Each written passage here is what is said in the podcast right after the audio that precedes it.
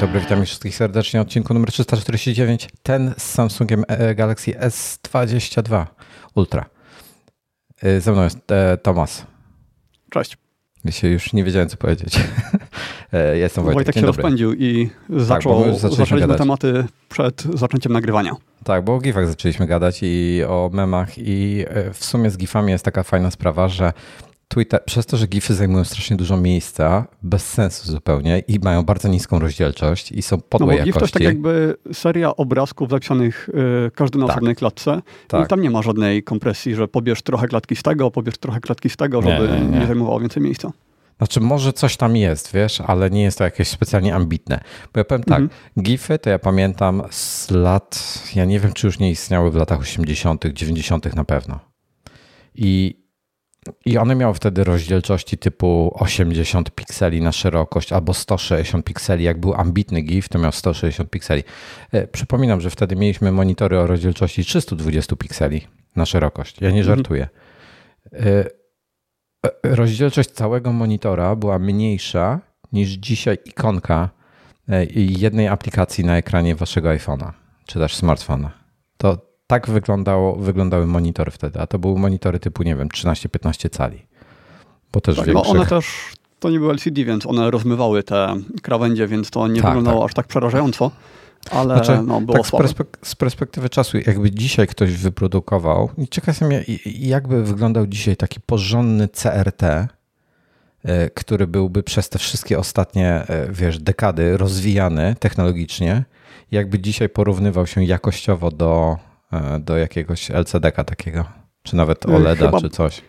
Chyba bardzo słabo, bo ja nie wiem, czy tam by się dało wyjść poza gamut sRGB, jak tam zrobić HDR. E, na pewno bardzo by się ucieszyli wszyscy fani retro konsol i emulatorów, bo oni za bardzo nie mają na czym grać. Teraz już te filtry, które emulują CRT są trochę lepsze niż kiedyś, ale w dalszym ciągu to wygląda słabo.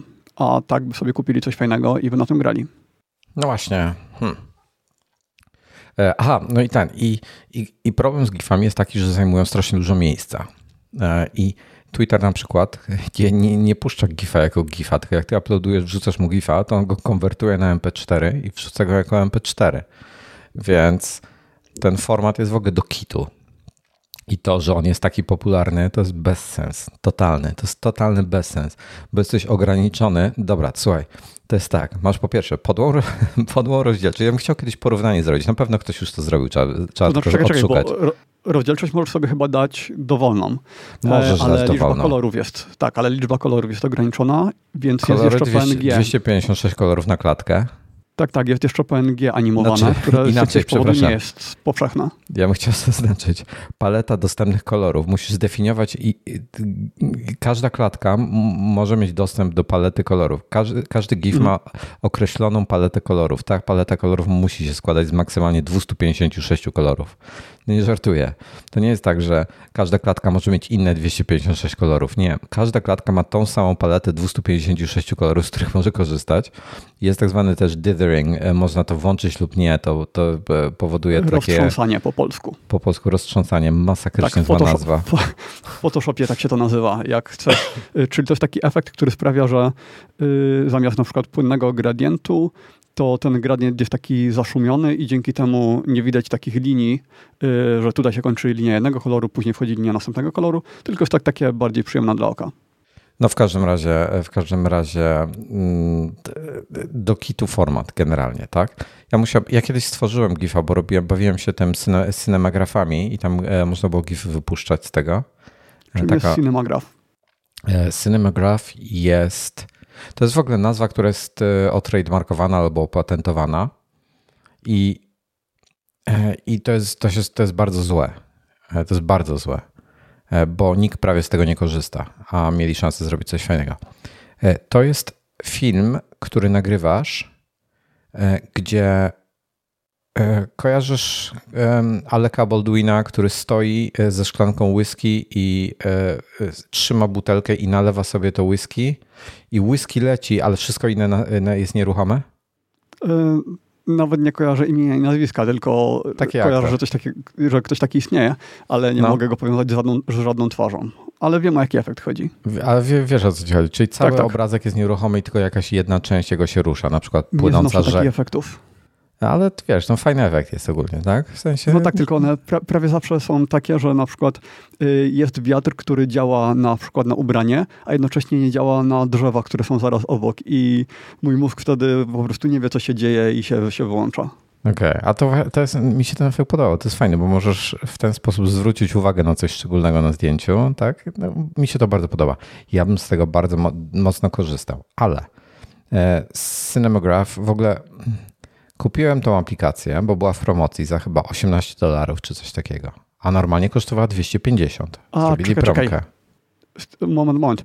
To jest ta aplikacja, która robi to w taki sposób dość zaawansowany. Tam jakieś AI wchodzi w grę i fotografowie tak. tego używali do tak. y, animowania zdjęć tam typu 8K rozdzielczość, tak, super tak, jakość. Okej, tak, okej, okay, okay, to już, już kojarzę.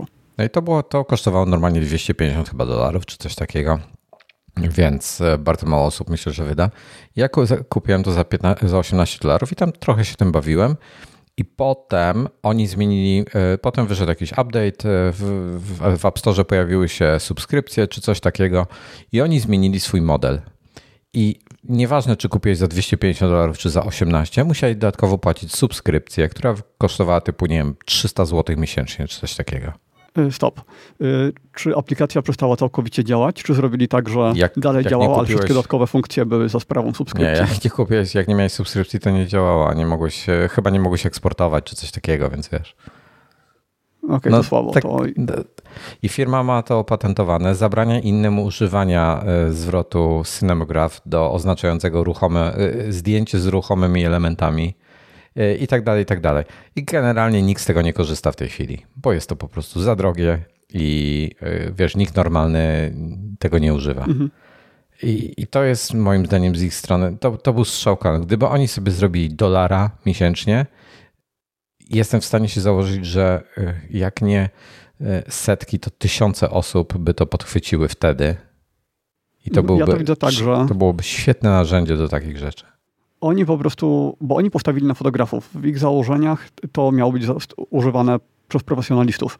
I dużo lepiej by było, gdyby zrobili tą wersję dla fotografów i ona by dalej tyle kosztowała, ale jednocześnie udostępniliby coś do publikacji na przykład na Instagramie, gdzie jest rozdzielczość 1080 pikseli na szerokość i nie więcej, ale za dużo niższą kwotę, no i wtedy miałoby to dużo więcej sensu. Ale tutaj wracamy znowu do takiego momentu, że, że 350 zł miesięcznie płacić to jest bez sensu dla osoby na przykład takiej jak ja, która hobbystycznie chciałaby to wykorzystywać, tak? Nie, właśnie Więc dlatego mówię, że tutaj... dla osób hobbystycznych było, byłaby tańsza wersja, ale w niższej rozdzielczości.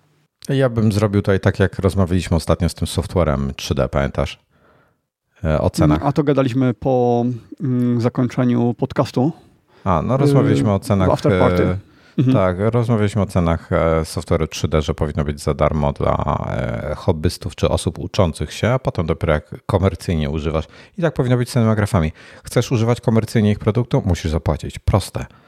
Mhm. I, I, tak by mieliby szansę wirale z tego robić, bo każdy by tego, a czym to zrobiłeś, a czym to zrobiłeś, tak? Bo te zdjęcia są takie wciągające, że, y, że, że można to samo w Photoshopie zrobić po prostu. Photoshop y, potrafi tworzyć animacje i tak dalej. Można to zrobić w Photoshopie. W Photoshopie jest to mega irytujące. Robiłem to. Da się to zrobić, trzeba maskować każdą klatkę po kolei. Jest to strasznie frustrujące. Nie polecam no cinematografii działał zdecydowanie najlepiej. Bo były też inne programiki do takich animacji, takie właśnie proste do wrzucania na Instagrama. Tylko to wszystko wyglądało dużo bardziej sztucznie, a Cinematography jako jedyne działało fajnie. No, no. E, no i na Maca mieli, mieli ten, mieli aplikację, tak? Mhm. Nie wiem, nie wiem w tej chwili, co się z nimi dzieje. Od paru lat przestałem się interesować, odkąd zrobili e, swoich użytkowników e, w balona, mówiąc delikatnie. No. E, i co? Właśnie mi się przypomniało, gdzieś tam moja żona jakiś, jakiś mem był. Wymień państwo na C. Czechosłowacja, które już istnieje. Jakiś, jakiś kabaret czy coś. A drugie, drugie, na inne. Holandia. Kurde, Holandia przez CH. E, anyway, no w każdym razie nie interesuje mnie już ta aplikacja. Zerknę po, po tym, po, po odcinku zerknę, co tam się zmieniło, co oni tam robią, bo aż jestem ciekawy w tej chwili, bo To już parę ładnych lat minęło, odkąd się interesowałem tym, co, co oni robią. Mm, ale szkoda, moim zdaniem to spieprzyli, bo mieli szansę zrobić, mieli szansę być standardem dla animowanych obrazków jako scenograf. Mhm. I wiesz, i ogranicza, ograniczyli to i ludzie nie z tego nie korzystają po prostu, bo, bo nie. Bo, bo nikt nie wyda taki, takich pieniędzy, tak? To było wtedy typu 80 dolarów miesięcznie subskrypcja. No wiesz, sorry. Ale to trzeba naprawdę dobrze zarabiać na, tym, na tych cinemagrafach, żeby płacić za to, tak? No, nic nie mam do dodania, ja nawet gifów nie używam. E, kiedyś robiłem sobie animowane PNG, Y, ze względu na tą paletę kolorów, bo tam jest bogatsza, a chciałem pokazywać zdjęcia, y, no takie przed i po. No i, i tyle. Te PNG jeszcze jakoś się tam sprawdzały. No a GIFy niestety ze względu na te 256 kolorów to strasznie to było widać. Najlepiej robić animowane, po prostu MP4 wrzucać bez dźwięku. Mhm.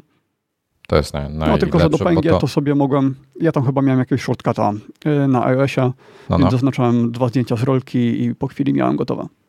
No tak, można, można coś takiego robić. To fakt. Dobra. Co dalej chcieliśmy dzisiaj poruszyć? Hmm. No ty tam narzucałeś tematów na, na kilka odcinków do przodu. Nie, porzucałem, widzisz, tak się powinno robić spis treści. Y, ostatnio zapowiadałeś bardzo mocno y, Joe Rogana. No, dzisiaj, dzisiaj chyba nie, nie dotrzemy chyba do, do Rogana dzisiaj. Możemy od niego zacząć. Dobra, nie, nie, mam ważniejsze tematy. E, follow-up, po pierwsze. Follow-up mamy. E, to olejemy. Dobra, e, Apple'owy follow-up zrobimy najpierw, bo, bo to jest... Nie wiem, czy czytałeś. Ze względu w, w Holandii, zresztą wracając, skoro już o Holandii mówimy konkretnie w Niderlandach, wprowadzili wymóg od Apple'a, że ma być możliwość deweloper, że ma mieć możliwość korzystania z innych systemów płatności niż e, Apple'owy dla aplikacji randkowych, czyli zakładam, że tu chodzi o jakieś takie Tindery i tak dalej. Nie wiem, czy oni mają dużo tego typu aplikacji akurat w Niderlandach własnych, jakichś e, lokalnych, e, czy skąd to się wzięło, ale konkretnie chodzi o aplikacje randkowe. Ale ja myślałem, że to globalnie wchodzi na całym świecie niedługo, że wszyscy będą mie mogli mieć różne e, formy płatności. Ma tak być, ale w tej chwili chodzi tylko i wyłącznie o Niderlandy. I teraz tak, to wygląda w ten sposób, że um, oni żeby wprowadzić jako deweloper, żeby wprowadzić te płatności e, dla, dla firm trzecich, w ogóle Apple tyle ścian postawiało, e, postawiło e, i nie do końca spełniają warunki, bo warunek był taki, że deweloperzy oprócz korzystania z in-app purchases Apple'owych mają mieć, użytkownik ma mieć wybór czy może mieć wybór, jeżeli deweloper chce wprowadzić, może mieć wybór płatności, jakiś system płatności firmy trzeciej. I ma no, czyli jedno... jakiś Stripe, PayPal i tak dalej, tak? Na przykład, na przykład, że jakimś PayPalem albo jakimś lokalnym, wiesz, nie wiem, e, jak to się u nas nazywa, no, Pay, no, no, no. Tak, dokładnie. I Apple zrobiło to w ten sposób, że możesz, jeżeli nie korzystasz z ich systemu, chcesz korzystać z systemu trzeciego, to nie możesz korzystać z ich systemu. Jest albo jedno, albo drugie, co jest niezgodne z, z ty, ty, tymi wytycznymi e, niderlandzkimi. I tego nie rozumiem. A potem cała akcja jest e, taka, że e, generalnie deweloper musi każdą transakcję, która idzie przez system trzeci, musi raportować Apple'owi.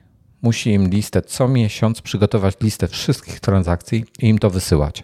Nie wiem, czy to jest zgodne w ogóle z jakimkolwiek prawem, jeśli chodzi o ochronę E, e, danych osobowych, tam pewnie danych osobowych nie będzie, chociaż nie wiem, czy, czy w tym momencie będą, czyli może być tylko deweloper będzie miał dostęp do danych. Proszę? Mhm. Czy to nie będzie tylko identyfikator płatności, czyli taki numer? No, e, nie wiem, nie wiem na ile, wiesz, no w każdym razie muszą przygotować jakąś tabelkę z wszystkimi transakcjami, wysłać to do Apple'a. Teraz tak, E, Apple za, za to nie pobiera 30%, tylko pobiera 27%. E, założenie tutaj jest mhm. takie, że te 3% idzie na na opłacenie przetwarzania transakcji, która w Stanach wynosi... No jest to taka standardowa stawka 3%, to jest taka, taka stawka wyjściowa u wielu, nie wiem jak to nazwać, procesor no, płatności. O, procesor, procesor płatności. No. W, w, Europie jest taniej niż w Stanach. W Stanach jest to około 3 do 5%. W Europie jest to, a Google też to wprowadził i Google wprowadził 26%, czyli dał 4%.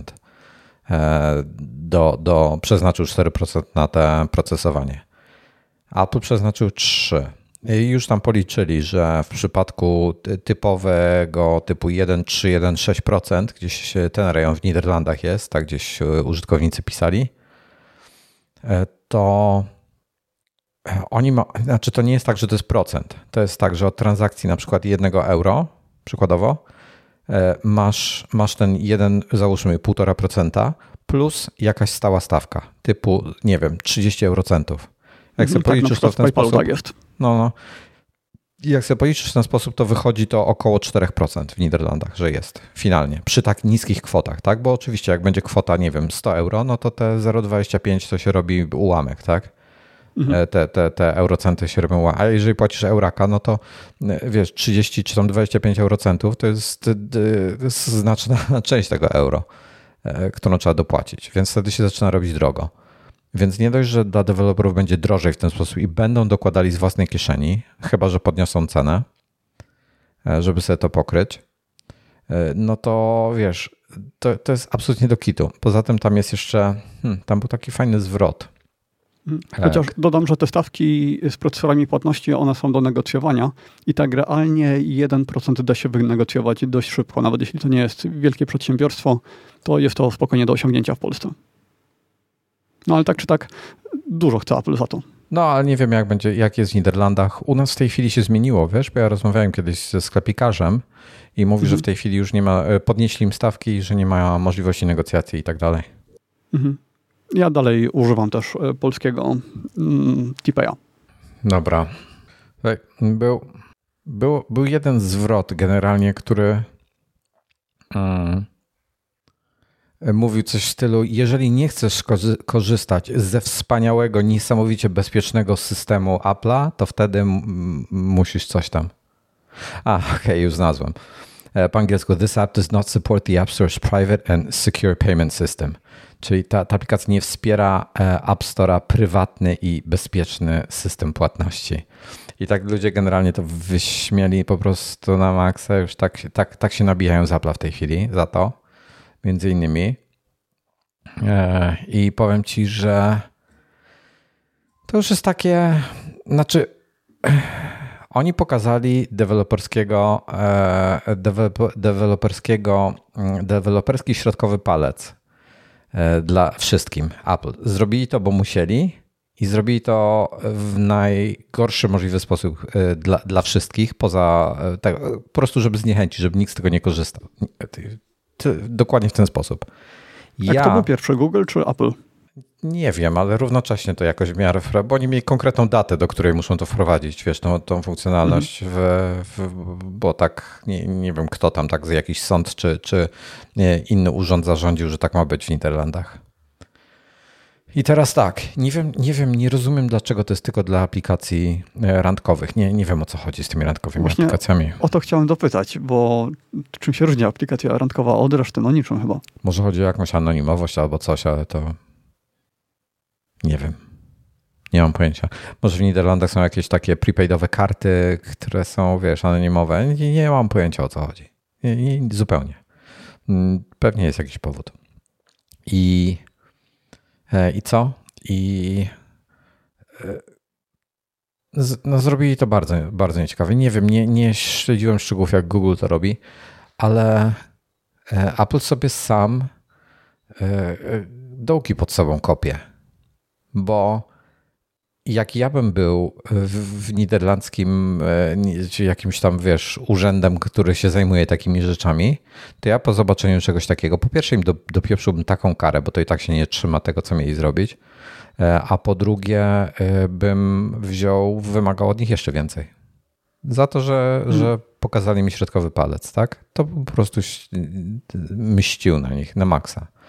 Bo to jest gigantyczna korporacja, która myśli, że, że tego, jak sobie popatrzysz na to w ten sposób, kiedyś Apple było postrzegane inaczej. W tej chwili ja już zaczynam ich postrzegać jako gigantyczną korporację, która myśli, że wolno im wszystko. I to jest no, bardzo złe pory, dla nich. Do tej pory w Niemczech się stawiali yy, na przykład Facebookowi, jeszcze zanim był no. Metą, i y, ten login facebookowy, który był wymagany w Oculusie, w Oculusie, to tak bardzo się temu sprzeciwili, że musieli wycofać ze sprzedaży urządzenia i chyba do dzisiaj nie da się ich kupić. W e.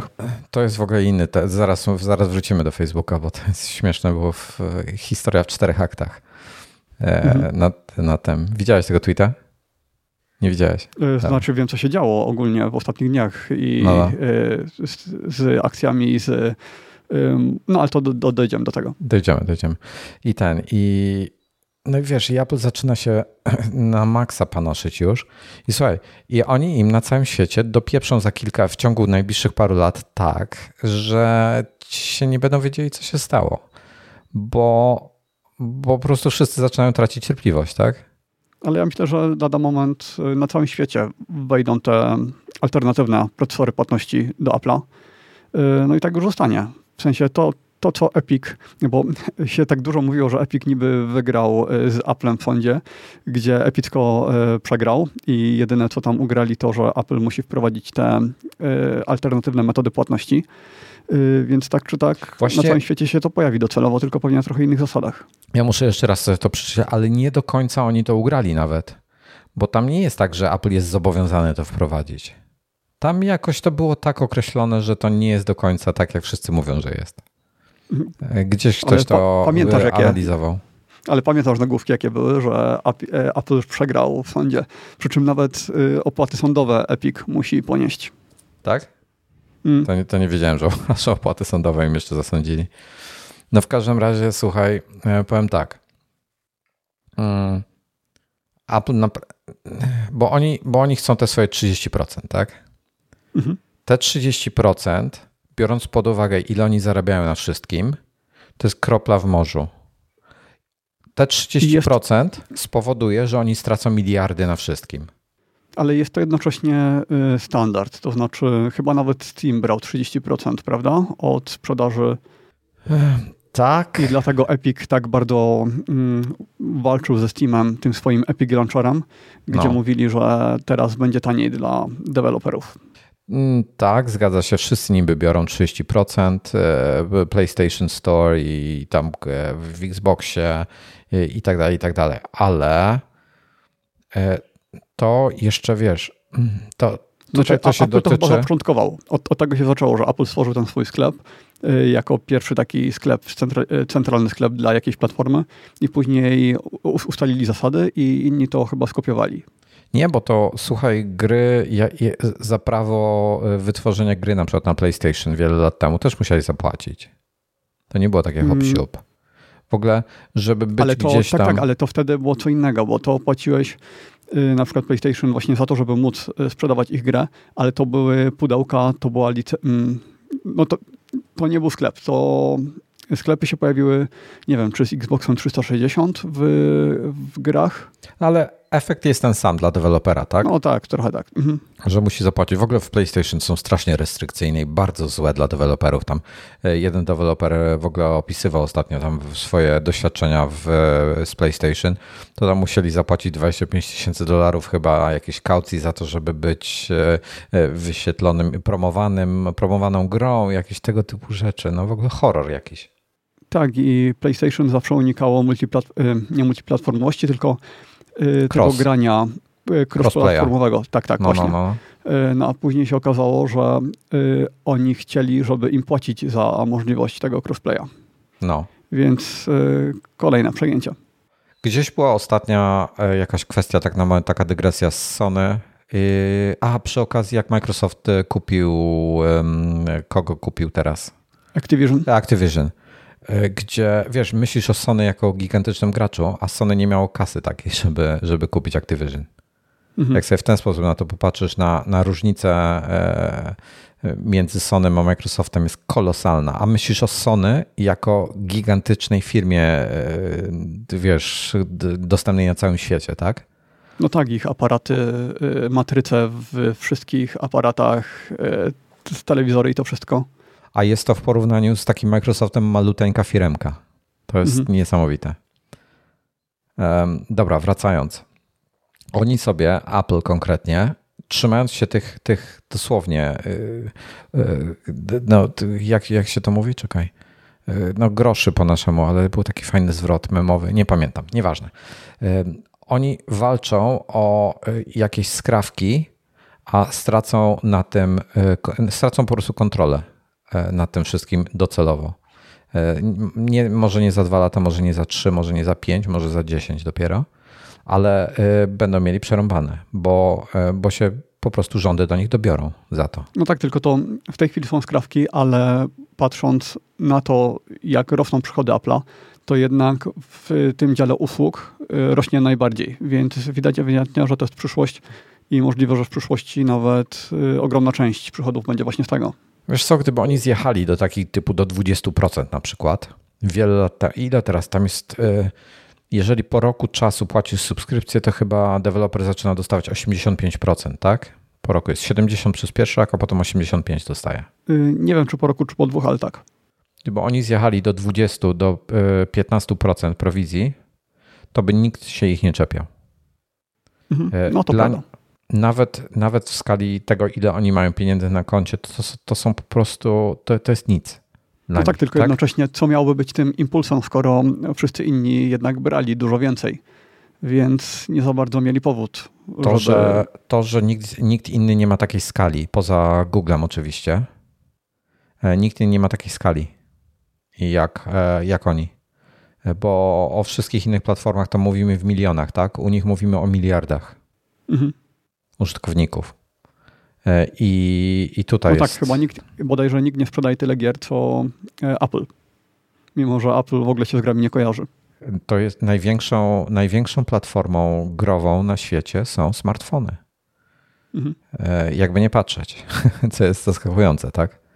E, I, no i tak to wygląda. Także, także wiesz, oni, oni za, te, za te grosze e, bekną bardzo mocno z czasem, bo coraz więcej się o tym mówi, coraz bardziej Unia, e, coraz bardziej się zaczyna wkurzać na Apple'a i tak dalej, i tak dalej. Jakby nie patrzeć, oni postępują coraz bardziej świńsko i bezczelnie. I to z zarządów Tima Cooka tak jest w tej chwili. Więc ja jestem bardzo niezadowolony z tego, jak Tim Cook zarządza Apple'em. I mają coraz gorszy image i Tim Cook niszczy firmie image. Także to jest słabe.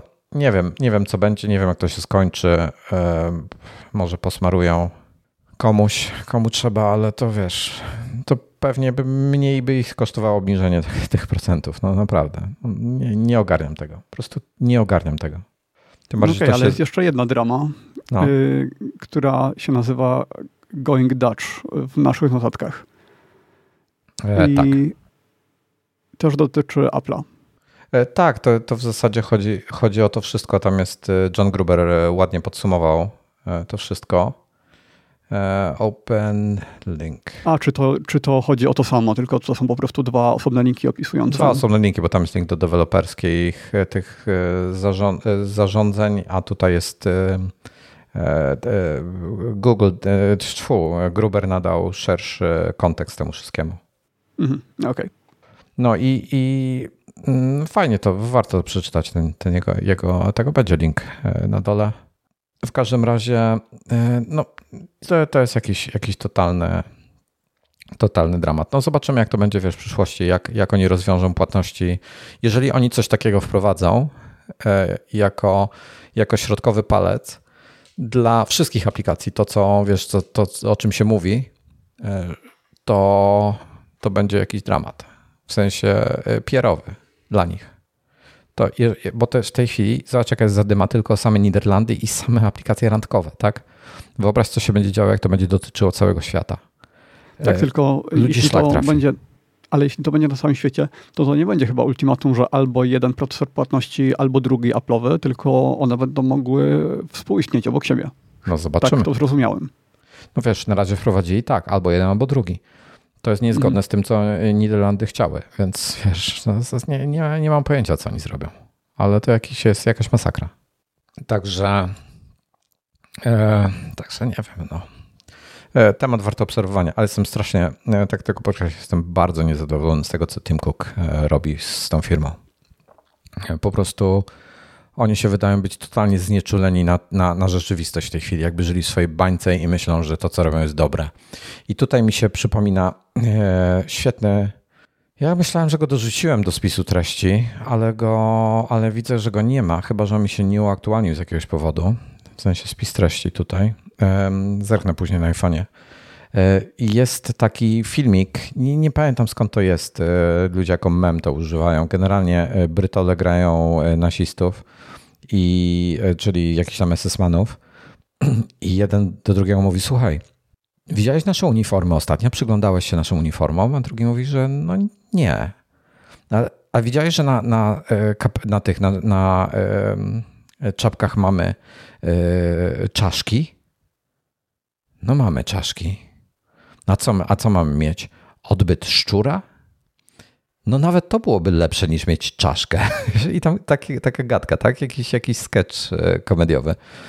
I w, końcu, I w końcu ten pierwszy, który właśnie podnosił te czaszki, pyta się: Are we the baddies? Czyli czy, czy my jesteśmy tymi złymi?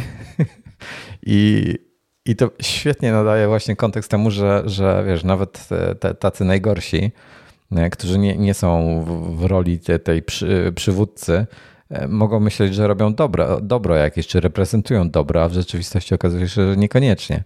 No myślę, że tak zawsze jest, że im się wydaje, że to oni są po tej dobrej stronie. E, I, i Apple coraz bardziej mam wrażenie, że się robi właśnie e, ten, ten buddy zaczyna być. I to stoi w genialnym kontraście. Znaczy, Microsoft nie ma wiele do stracenia, tak? Bo Microsoft jest gigantyczną firmą, ale nie ma nic zupełnie do powiedzenia w kwestii te, takich, wiesz, tematów app store'owych i mobilnych generalnie, bo nie mają zbyt dużej e, obecności na tym rynku. Ale chcieliby, bo oni chcieliby. mają swój App Store, tylko że on był totalnym niewypałem i deweloperzy nie chcą tam umieszczać swoich aplikacji, więc w Windowsie 11 go zrobili od nowa no i teraz ma być dużo, dużo lepszy i jednocześnie ma być też tam obok e, ten androidowy App Store Amazonu. E, ale no, chcieliby być też taką potęgą, tylko na razie im to nie wychodzi. Tak, i to wiesz co, ja przeskoczę w takim razie do Czekaj, gdzieś tu, e, o, adapting, ja to dorzucę jako, jako ciąg dalszy tej dyskusji, bo tylko sobie tego linka otworzę, go przerzucę w spisie treści tutaj na e, wyżej do follow-upu, więc byś musiał sobie otworzyć, jeżeli chcesz wiedzieć, co ja takiego robię. E, ale na ich blogu, już otwieram linka, żeby wam przeczytać najważniejsze rzeczy. Generalnie na ich blogu um, fajnie tam pisali, to jest z przed, sprzed dwóch dni. E, adapting ahead of regulation, czyli przygotowując się, e, adaptując się przed regulacją tych wszystkich e, App Store'ów i tak dalej. I ogłosili zestaw Open App Store Principles, czyli jakieś takie założenia otwarto App Store'owe, które będą dotyczyły Microsoft Store'a na Windowsie i następne, następnej generacji sklepy dla gier. E, czyli zakładam, że tu chodzi o wszelkie Xboxy i tym podobne e, platformy, mhm. o te, te, tego typu rzeczy. E, I, I wiesz, i podsumowuję, oni naprawdę nie mają dużo do stracenia, chociaż z drugiej strony oni są gigantyczną platformą, jeśli chodzi o gry, tak? No I jest... bardzo rosną w tym tak. segmencie, tak. I wiesz, i oni tutaj ewidentnie się boją, bo oni w tej chwili Activision kupili. Oni, mają, oni są naprawdę w tej chwili, jeśli chodzi o gry, są gigantem są trzecią największą firmą. Jeśli liczyć ten Activision, to są chyba tylko dwie większe. Kto? Sony, e, Sony i nie wiem, czy Tencent, czy nie wiem, nie pamiętam. Tencent, no. E, Tencent, no. Tencent, tak. No, no, no. W każdym razie, e, podsumowaj, tu kilka takich są, mają commitments, czyli, czyli deklarują się, że będą um, coś robili, w, w, tutaj piszą czterech ważnych strefach, y, że y, do, udostępnimy naszą platformę y, wszystkim deweloperom pod warunkiem, że trzymają się oni transparentnych, czyli przezroczystych standardów jakości i bezpieczeństwa. Czyli to jest tak dosyć szerokie twierdzenie, a zakładam, że nie jest, jest to w dobrej wierze napisane tutaj, co mnie zaskakuje. Microsoft w dobrej wierze. Kiedyś to oni byli tacy, tak? Tacy, że wszystko dla siebie próbowali zamknąć na maksa, jak najbardziej ograniczyć. Teraz ewidentnie tutaj się trochę bardziej, no zupełnie inaczej podchodzą do ja, tematu. Ja bardzo lubię Microsoft w ostatnich latach. Jest to dla mnie jedna z ciekawszych firm. No, ale zaraz do tego wrócę. E, będziemy kontynuowali, e, będziemy chronili e, konsumentów i graczy, którzy używają naszego App Store'a, żeby ci deweloperzy trzymali się naszych standardów bezpieczeństwa i będziemy respektowali prywatność konsumentów w naszych App Store'ach i będą mogli zarządzać swoimi danymi prywatnymi tak, jak chcą i będą wiedzieli, jak są wykorzystywane będziemy utrzymywali nasze aplikacje do tych samych, znaczy podtrzymywali te same standardy w naszych aplikacjach, e, które, e, e, których oczekujemy od innych aplikacji trzecich. Nie będziemy używali niepublicznych informacji albo danych z naszych App Store'ów, aby, aby konkurować z aplikacjami deweloperów, co Apple już zostało przyłapane wielokrotnie na tym, że robiło. Czyli tak zwane jest... sherlockowanie aplikacji. Też, no. no. E, Sherlockowanie plus to, że oni wiesz, promowali w wynikach własne aplikacje i tak dalej, i tak dalej. Mhm. Tutaj jest ciąg dalszy tego samego, o tym, że jak, jak promocje, marketing i tak dalej, i tak dalej, bla, bla, bla. E, potem jest cały wątek, jest chyba, są cztery podpunkty e, dla deweloperów i to jest, ósemka jest istotna.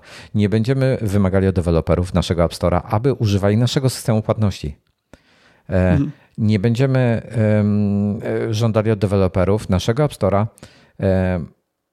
a, czekaj, will not uh, provide more fab OK, czyli żeby e, dostarczali e, konsumentom lepszych warunków niż w innych App Store'ach. Czyli generalnie deweloper może, jak chce, to sobie może dać wyższą cenę z jakiegoś powodu, no bo, bo taki ma kaprys. Wiesz, więc jakby konsument wtedy decyduje. E, nie będziemy e, negatywnie traktowali, czyli e, utrudniali życia deweloperom, którzy korzystają z systemu płatności innego niż nasz, albo jeśli oferują inne warunki niż w innych App Store'ach.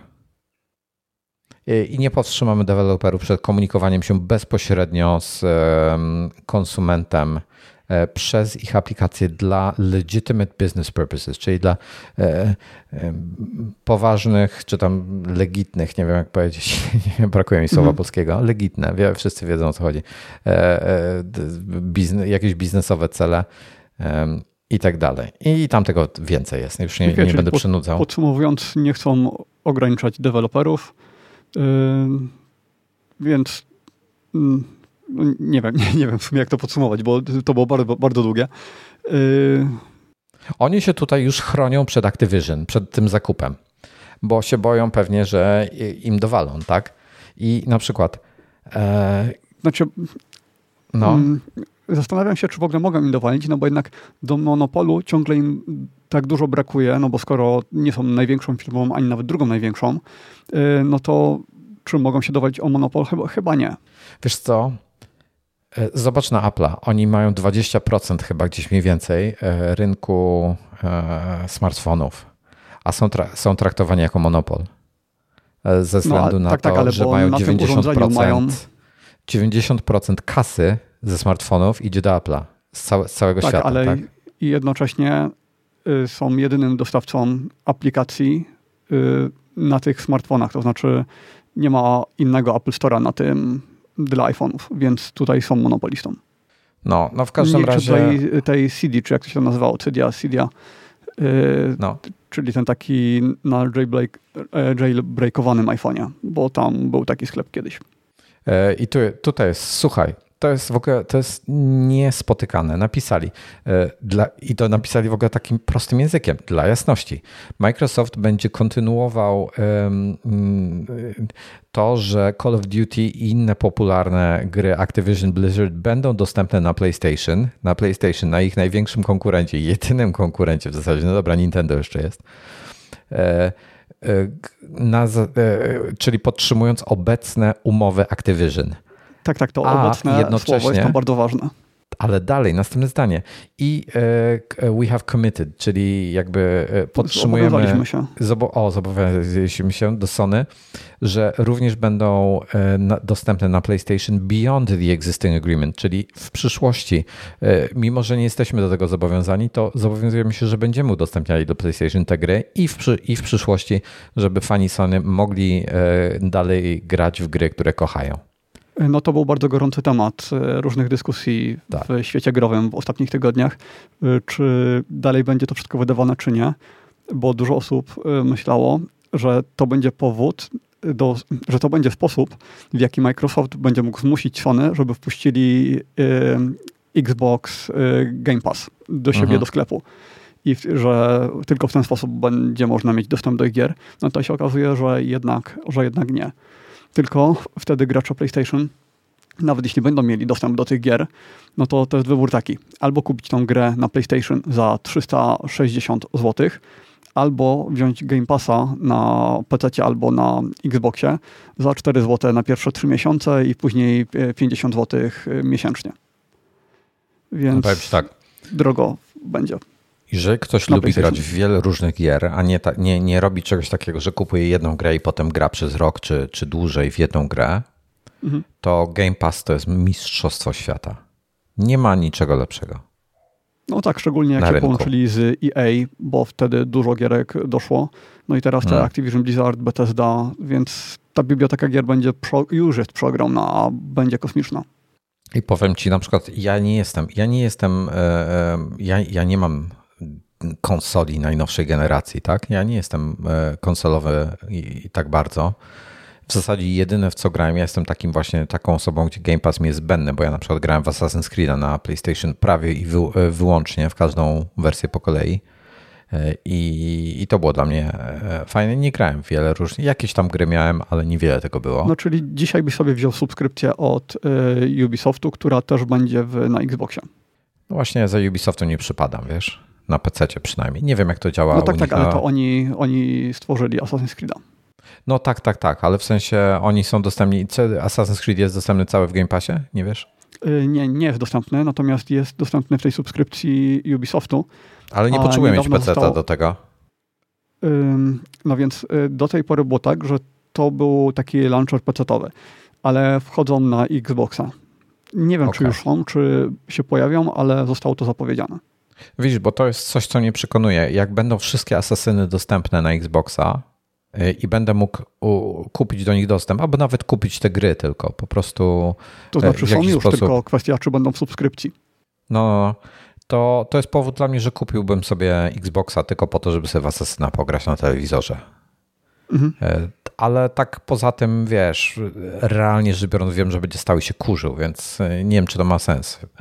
Mm, natomiast, natomiast, bo wiesz, kurde, powiem ci tak, nie mam czasu po prostu grać. Jak wiesz, wieczorem sobie odpalę, zrobię sobie dwa loty, albo jeden, albo coś takiego, zależy jak długi w MSFS-ie i idę w kimę, tak? Jeszcze muszę potem jakieś newsy ponadrabiać i tak dalej. Jeszcze w nocy coś przygotuję przed snem i, i, i tyle. I tyle mam czasu na granie. Dlatego ty się w ogóle nie powinieneś interesować grami w stylu Assassina, tylko zamkniętymi historiami, które trwają po 6 godzin i hmm. wtedy mógłbyś ogrywać... Nie, to, to mnie nie bawi.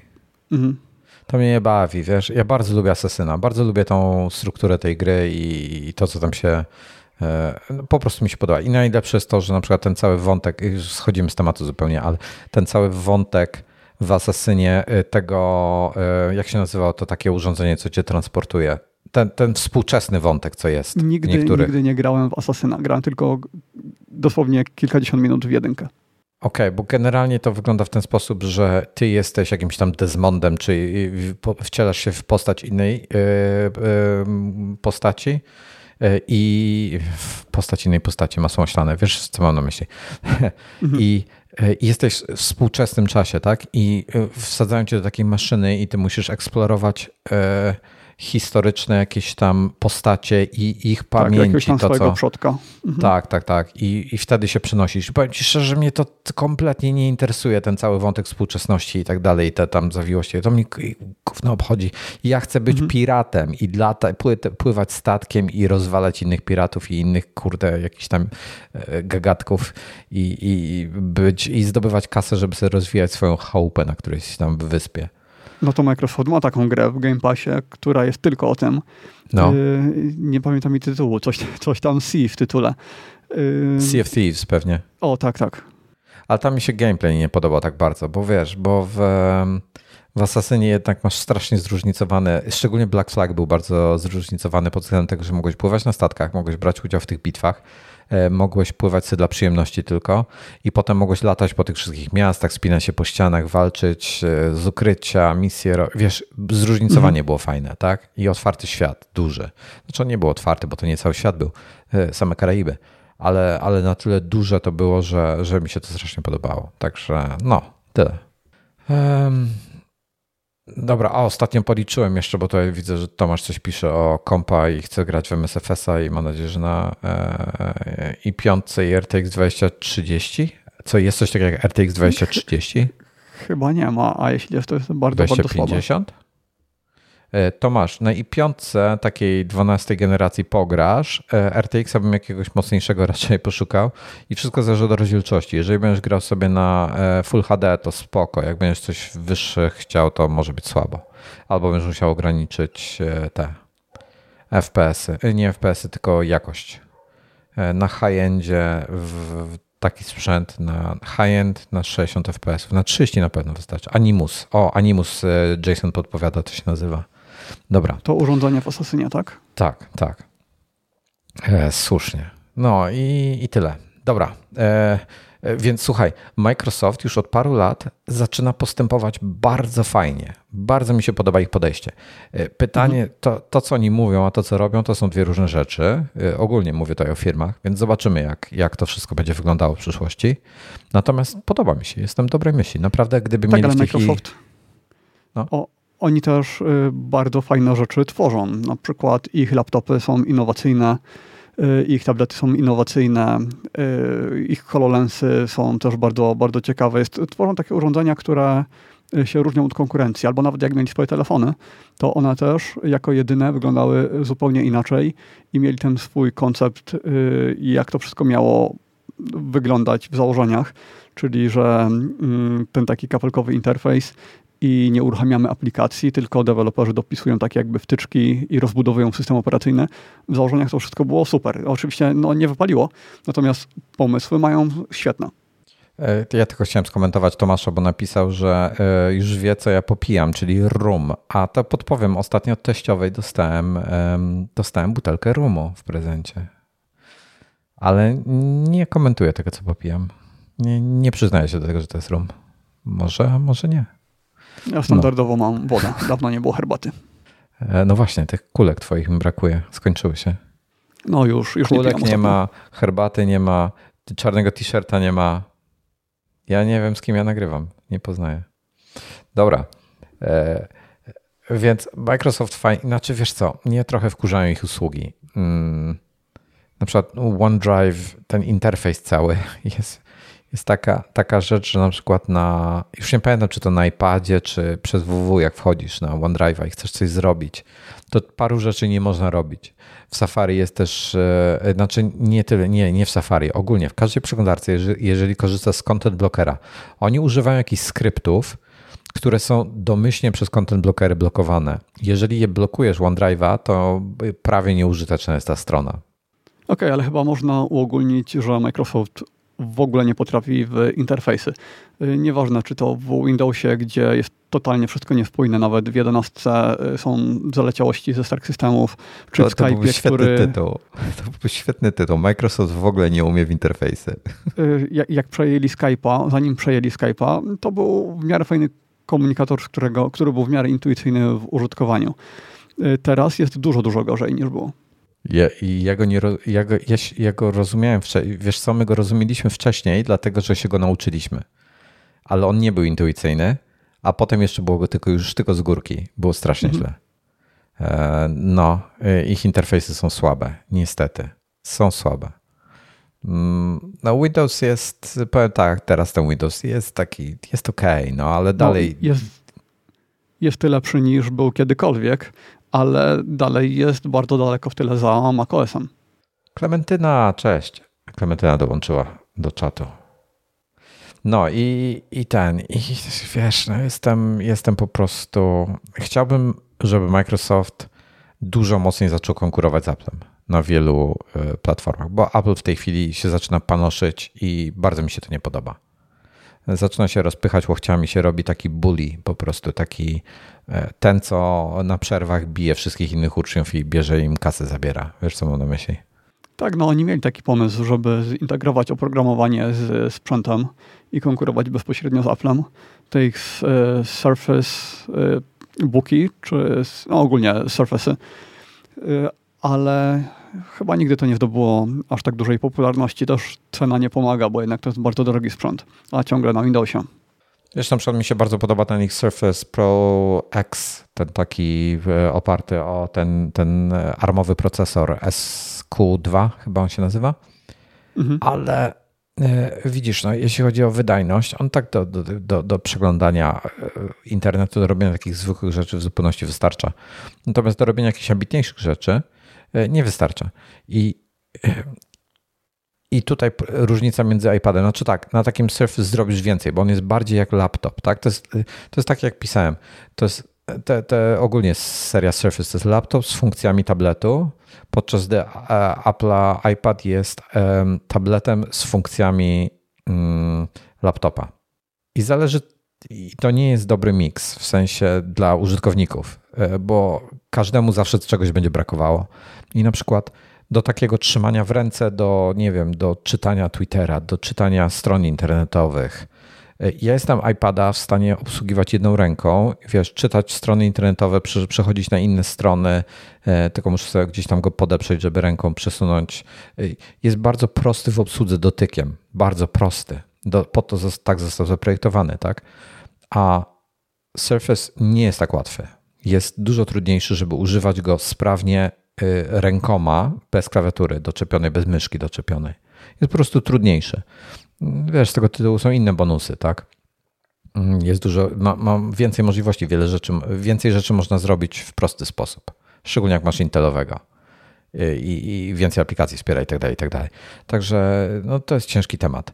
Y, więc ja bym chciał, żeby oni bo oni robią coś często i potem jakby tak, Apple zresztą, każda firma chyba tak robi, potem jakby wygląda to, że nie mają serca, aby tego kontynuować, wkładać taki, taki wiesz, pełny wysiłek, żeby to rozwijać. I Surface ma bardzo fajne możliwości, szczególnie myślę tutaj o Surface Pro, o Surface um, jak się ten X, czyli z tym, z tym SQ2 i tak dalej. I oni tego za wolno to się rozwija, za wolno to, to, to zmienia. Mam wrażenie, że po prostu jak właśnie tego serca nie mają do tego. No, Apple się nie poddaje tak szybko. Y, na przykład jak wydali zegarek, to po kilku generacjach wszyscy już myśleli, że to nic z tego nie będzie. A oni cały czas rozwijali oprogramowanie i dzisiaj to jest super sprzęt. No ja, ja, ja ogólnie Microsoft jako firmę, jako ich um, założenia, to co oni sobą, sobą prezentują, szczególnie dział Xboxa, e, bardzo pozytywnie patrzę. Z drugiej o, tak. strony, tak. z drugiej strony, jako użytkownik, e, bo um, jak wiesz, e, nie latam już tylko w MSFS-ie, ale latam również w Xplainie. Tak.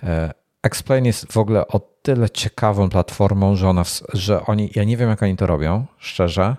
Być może z tego wynikają właśnie pewne ograniczenia, że to, to co z, rozmawiałem, że ich software nie jest tak super wydajny, tak? Więc teoretycznie ma gorszą grafikę, ma gorsze rzeczy niż MSFS, a e, wymaga mocniejszego sprzętu, a nawet na mocnym sprzęcie e, po prostu nie potrafi go wykorzystać w pełni. Może to z tego się bierze właśnie, że ten kod jest napisany w ten sposób, że on jest multiplatformowy, że on, on wspiera i Maca, i Linuxa, i Windowsa. Tak, no jest też oparty o silnik y, dużo, dużo starszy. No tak. I to jest w ogóle dla mnie niesamowite, że dzisiaj jest firma, która tworzy y, oprogramowanie na trzy różne platformy jednocześnie i w zasadzie wszystko jest kompatybilne. Wszystkie pluginy, co, to, jest, to jest w ogóle przepaść dla mnie, że ludzie, co, co tworzą własny jakiś darmowy software dla tego, ten software też jest kompatybilny ze wszystkim. I jest naprawdę bardzo mało softu, który działa tylko na Windowsie, a nie na Macu i na Linuxie. Tak, ale to e... ostatnie lata bardzo ułatwiły, bo no, no. teraz no. jednak jak tworzysz coś, yy, to możesz to kompilować bez większych zmian na różne platformy, a kiedyś tak nie było. No w każdym razie Explain tutaj jest, jest naprawdę dla mnie, jest to dla mnie po prostu na maksa zaskakujące w dzisiejszych czasach, gdzie wszystko jest, wiesz, przypisane do którejś platformy i rozwijane tak bardzo szczegółowo pod, pod daną platformę, więc e, to jest dla mnie e, mega zaskoczenie i to jest fajne. To jest fajne, że ktoś coś takiego robi. Ale przerzuciłem się na tego Explaina jako backupowy symulator, dlatego że Xbox, serwery Xboxa często padały. E, ostatnio było duże nasilenie, na przykład podczas, e, podczas latania nagle masz komunikat e, i to jest, to jest dla mnie wkurzające. Sprawdź swój internet, nie, ma, nie mamy połączenia z serwerami. A może to, to jest takie, wiesz, zwalanie winy na kogoś innego, tak? A mój internet jest w porządku. Wiem o tym, że jest w porządku, bo widzę, że, że wszystko działa. I wiesz, powinno być jakiś taki dużo bardziej neutralny ten komunikat. W Apple kiedyś taki był. W, w, jak komputer się wysypał jakimś kernel panikiem czy coś i potem go uruchomiłeś ponownie, to się e, pojawił komunikat you shut down your computer. Mhm. Jakiś tam nielegalny sposób, tak? I e, to była nieprawda, bo on się wysypał. Nie ja go wysypałem czy coś, tylko on się wysypał. I w końcu to zmienili. I tutaj wiesz, w Microsoftie jeszcze tego nie ma. I na przykład serwery Xboxowe, to jest, to jest dla mnie najgorsze. Gra Okej, okay, ona jest mocno online'owa. Ona wymaga dostępu do y, Binga, żeby mieć te wszystkie, y, bo ona nie trzyma tych tekstur całego świata y, na komputerze, bo inaczej byś potrzebował, nie wiem, 20-50 terabajtowy dysk twardy, tak? Bo inaczej byś tego nie pomieścił. Tak, tak. E, I E, I teraz chodzi o to, że e, wiesz, jak ta, tam masz nawet licznik zużycia, jak, jak latasz na gdzieś nad światem, to tam naprawdę tych tekstur się zaczyna sporo e, pobierać.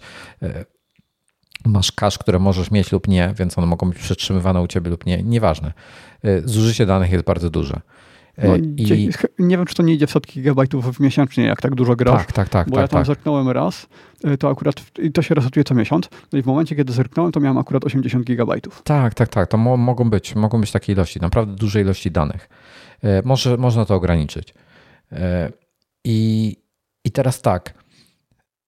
Jeżeli nie działa, to jest najgorsze dla mnie, bo gra teoretycznie bez tych dodatkowych tekstur powinna działać.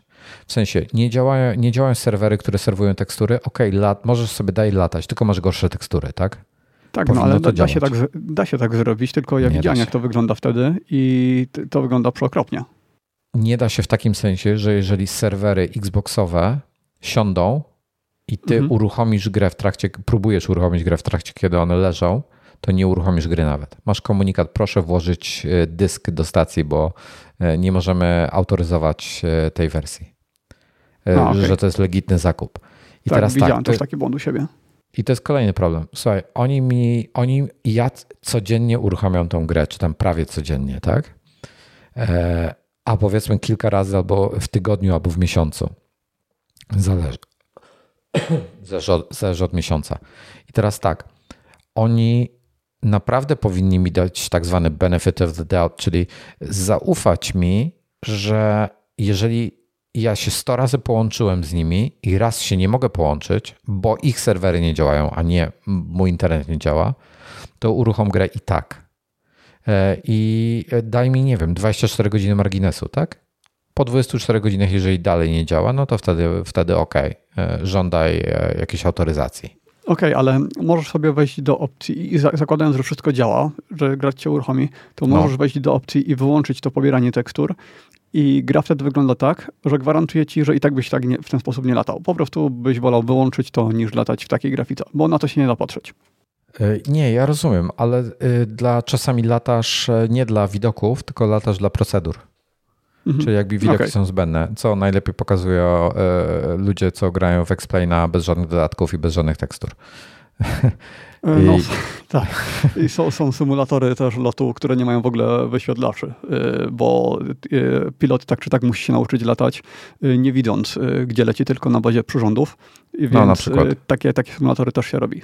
No więc wiesz, włączasz noc sobie i lecisz mm. po mhm. prostu, wiesz, i, i tak, ale procedury cię na przykład interesują. E, żeby sobie coś tam poćwiczyć, przećwiczyć jakiś nowy rodzaj lądowania albo coś. No wiesz, zawsze, zawsze coś jest do, do zrobienia, e, więc można sobie tam jakiś plan założyć. E, I, i tutaj, jest, tutaj jest właśnie sprawa z tym, że jak leżą serwery, to się nie połączy z grą, a, a Explain działa, wiesz, niezależnie, możesz nie mieć internetu nawet i możesz sobie latać i tak. Ale czekaj, wyszliśmy od tematu multiplatformości. Mul e, nie wiem, czy dobrego słowa użyłem, e, wie, wieloplatformości. E, no, wi wiadomo.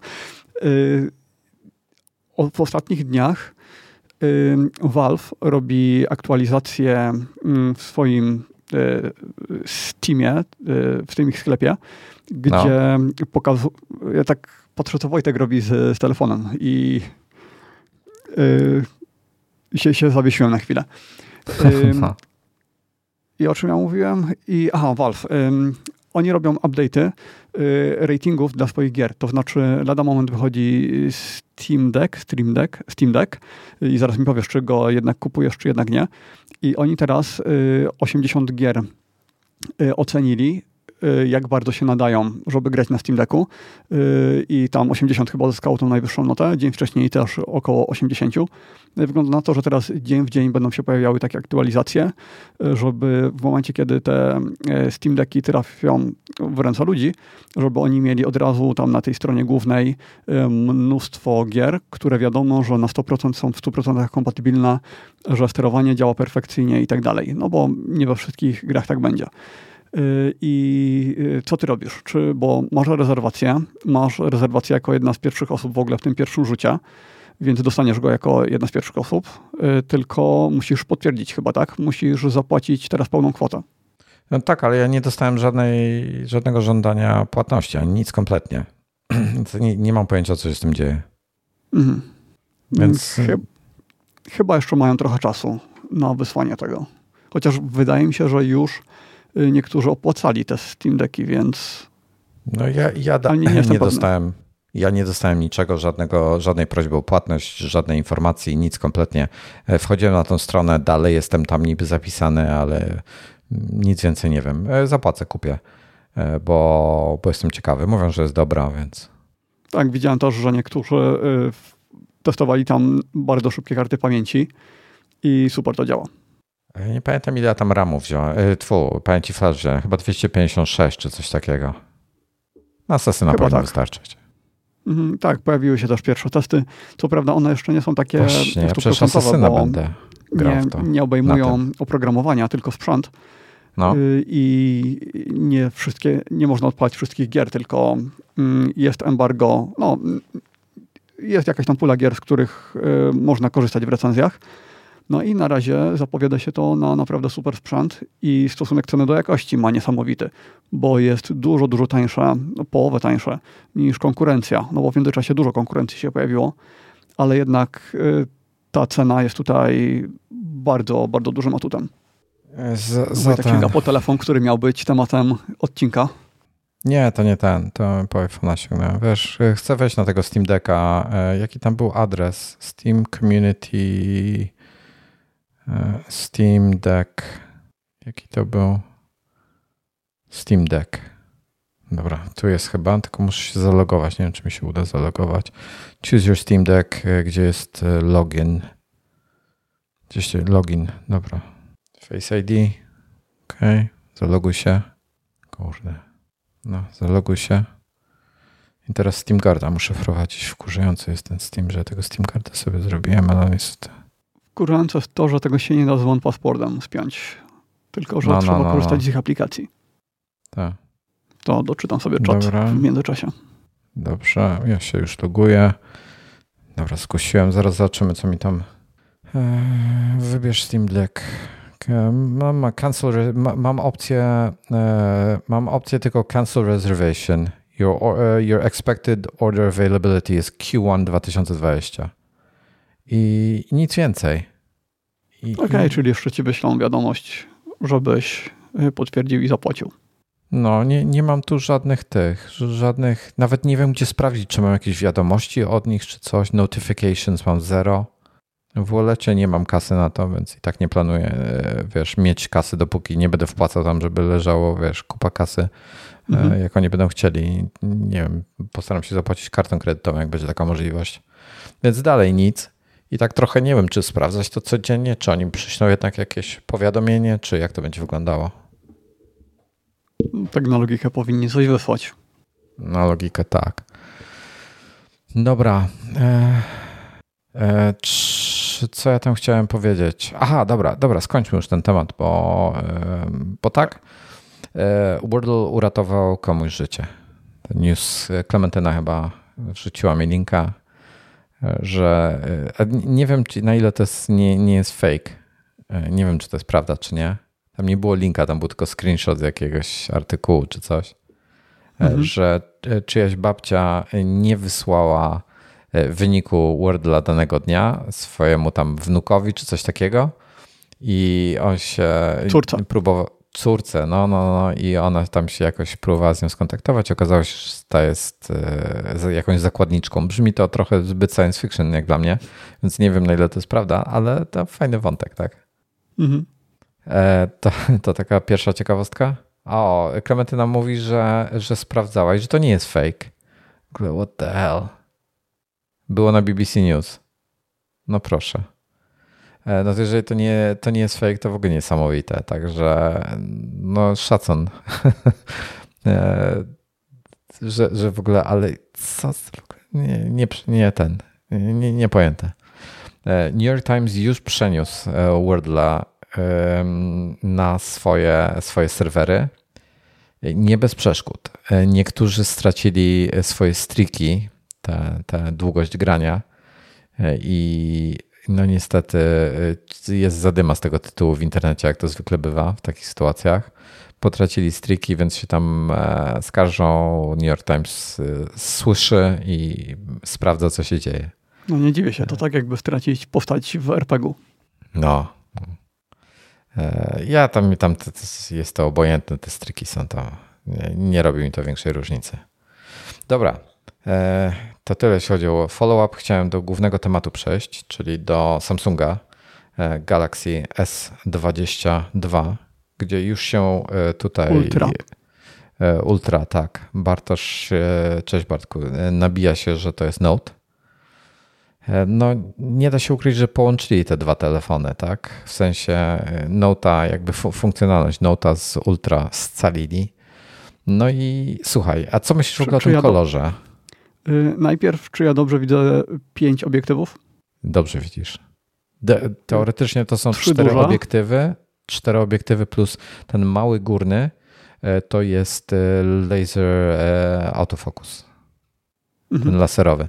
Czyli ten tutaj na górze to jest laserowy autofokus, to jest ultra szeroki kąt, to jest zwykły szeroki kąt, to jest y, tele y, trzykrotny chyba, to jest, a ten mały tutaj to jest dziesięciokrotny albo odwrotnie.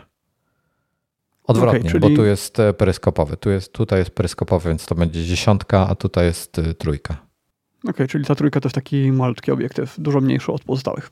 Tak. Ja nie wiem, ja, ja, co myślisz w ogóle o tym kolorze? To jest burgundowy. Musiałbym sobie przenieść na drugi monitor. Mm, no nie jest czarny, to jest jego największy problem. No tak, wiesz, daleko do, do twojej koszuli mu jeszcze kawałek i będzie pasował. Wojtek się przed rozpoczęciem doczepił, że pierwszy raz w historii nadgryzionych y, nie jestem ubrany na czarno. Tak. No, bardzo brzydki nie jest, jest ok. Wygląda, wygląda przyzwoicie. E, Taki ci, metalowy że... się wydaje. On jest w ogóle, powiem ci, że jako, jakościowo jest świetny, naprawdę jest świetny. To jest. E, sprawia bardzo pozytywne wrażenie. E, Taki elegancki design. E, mi się nie podoba to, nie wiem czy widzisz, że, że to szkło na brzegach jest tutaj zagięte. Tak.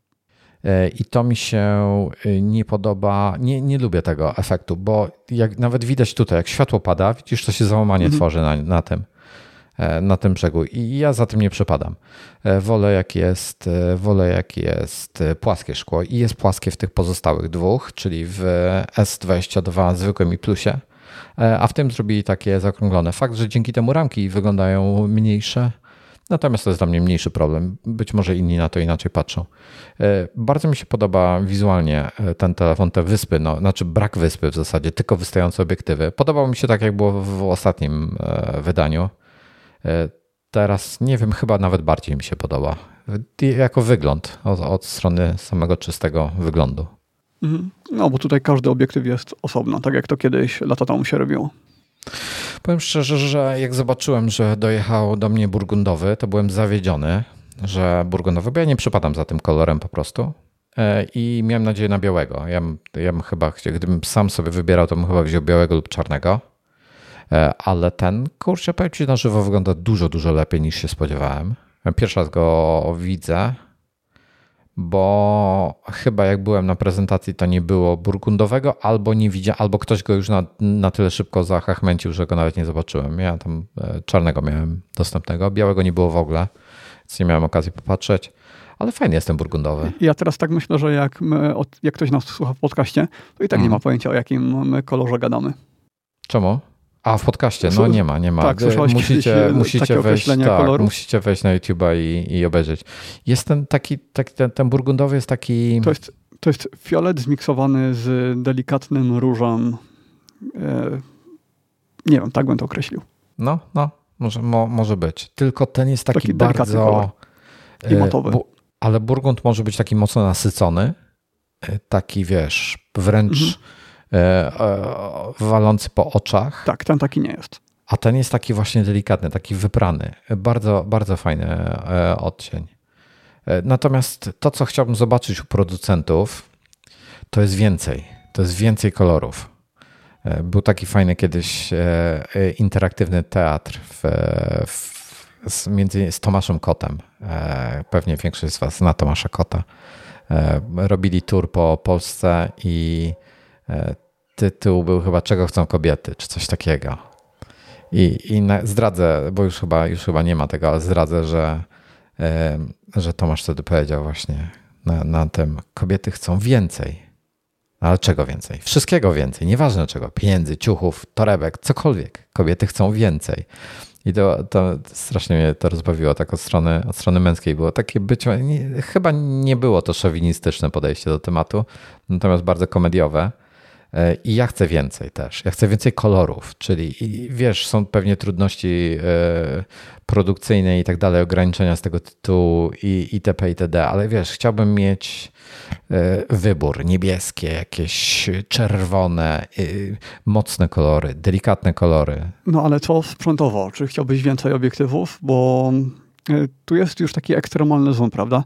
To 10 plus jakiś tam programowy z uwydatnianiem szczegółów? Jaka Słuchaj, taka funkcja została dodana?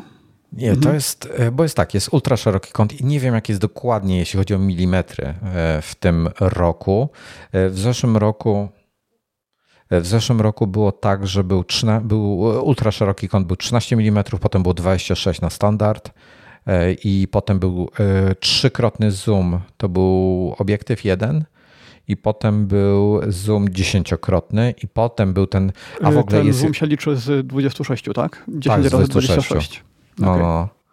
I, i to jest... E, aha, i, i można oczywiście wybierać wartości pośrednie, tak? Czemu mi nie łapie ostrości na mnie? Dobra.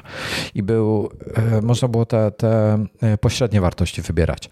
I Samsung robi to o tyle ciekawie, że oni mają tak zwany ten hybrydowy swój zoom, więc to jest tak, że czasami jest zoom e, cyfrowy, czasami jest zoom, który bierze obrazki, łączy z różnych obiektywów w jakiś tam magiczny sposób. E, każde zdjęcie, jak robisz w ogóle, to tak naprawdę robisz 20 zdjęć. Aparat robi 20 zdjęć i je łączy, wybiera najlepsze elementy, wiesz, uśrednia pewne wartości jakieś i tak dalej, i tak dalej. No, Stąd no, rozumiem, HDR że też jakiś się bierze. HDR wtedy, tak, tak. Tak, tak, tak. To e, Apple robi to samo, e, mhm. tylko wiesz, no, na swój sposób, tak? Samsung robi na swój.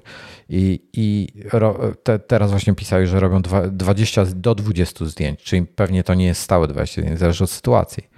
Do 20 zdjęć, łączą je razem i tak otrzymujesz finalne zdjęcia. I tak sobie właśnie jak słuchałem tej prezentacji, tak sobie pomyślałem, że gdyby takie firmy jak Apple czy Samsung dzisiaj robiły takie lustrzanki, jak robi na przykład Sony e, albo Canon albo Nikon e, i taki software mieli, to, to by w ogóle wymiotło wszystko. Hasselblad chyba e, robił te swoje średnie formaty w taki sposób z opcją łączenia różnych zdjęć właśnie i wtedy wychodziły jakieś gigantyczne fotki. E, nie pamiętam jak było z Phase One'em, ale Phase One to w ogóle tam ma jakieś kosmiczne e, matryce, więc tam nawet nie potrzebuje łączyć, żeby to było, były setki megapikseli. Ale robi się coś takiego. Natomiast no, raczej nie z 20 zdjęć, tylko jest to skromniej. No właśnie, wiesz, gdyby, gdyby, gdyby tak zastosować tą technologię, co Apple i Samsung używa w smartfonach do dużych aparatów pełnoklatkowych no albo większych. Hasselblad to nie jest aparat dla normalnych ludzi, to jednak jest no nie, nie. do zastosowań zaawansowanych. E, no w każdym razie, w każdym razie jestem bardzo ciekawy, jakby to wyglądało. E, I ten, i no ale, ale niestety no, nie robią. Mamy coś takiego I wiesz co, bo, mówię o tym dlatego, że czasami nie chce mi się już tych rawów przetwarzać. Chciałbym, żeby wiesz, żeby mieć po prostu, robię jedno zdjęcie i jest perfekt. Wiesz, mhm. wiesz o co chodzi. E, no niestety tak nie jest. E, tutaj jest bardzo fajne pokrycie obiektywów, bo w zasadzie od 13 mm do 260. I te zdjęcia. I aha, i masz jeszcze zoom, tak? Bo dziesięciokrotny zoom to jest optyczny, a potem masz trzydziestokrotny i trzydziestokrotny, tak jak, jak w, w, zobaczymy, jakby, jakie będzie w tym e, roku. Pogoda paskudna, więc nawet nie robiłem żadnych zdjęć. E, zaraz wrócę w ogóle do zdjęć. E, w zeszłym roku w S21 ten zoom trzydziestokrotny był użyteczny. Zależy od sytuacji, ile było światła i tak dalej, ale był użyteczny.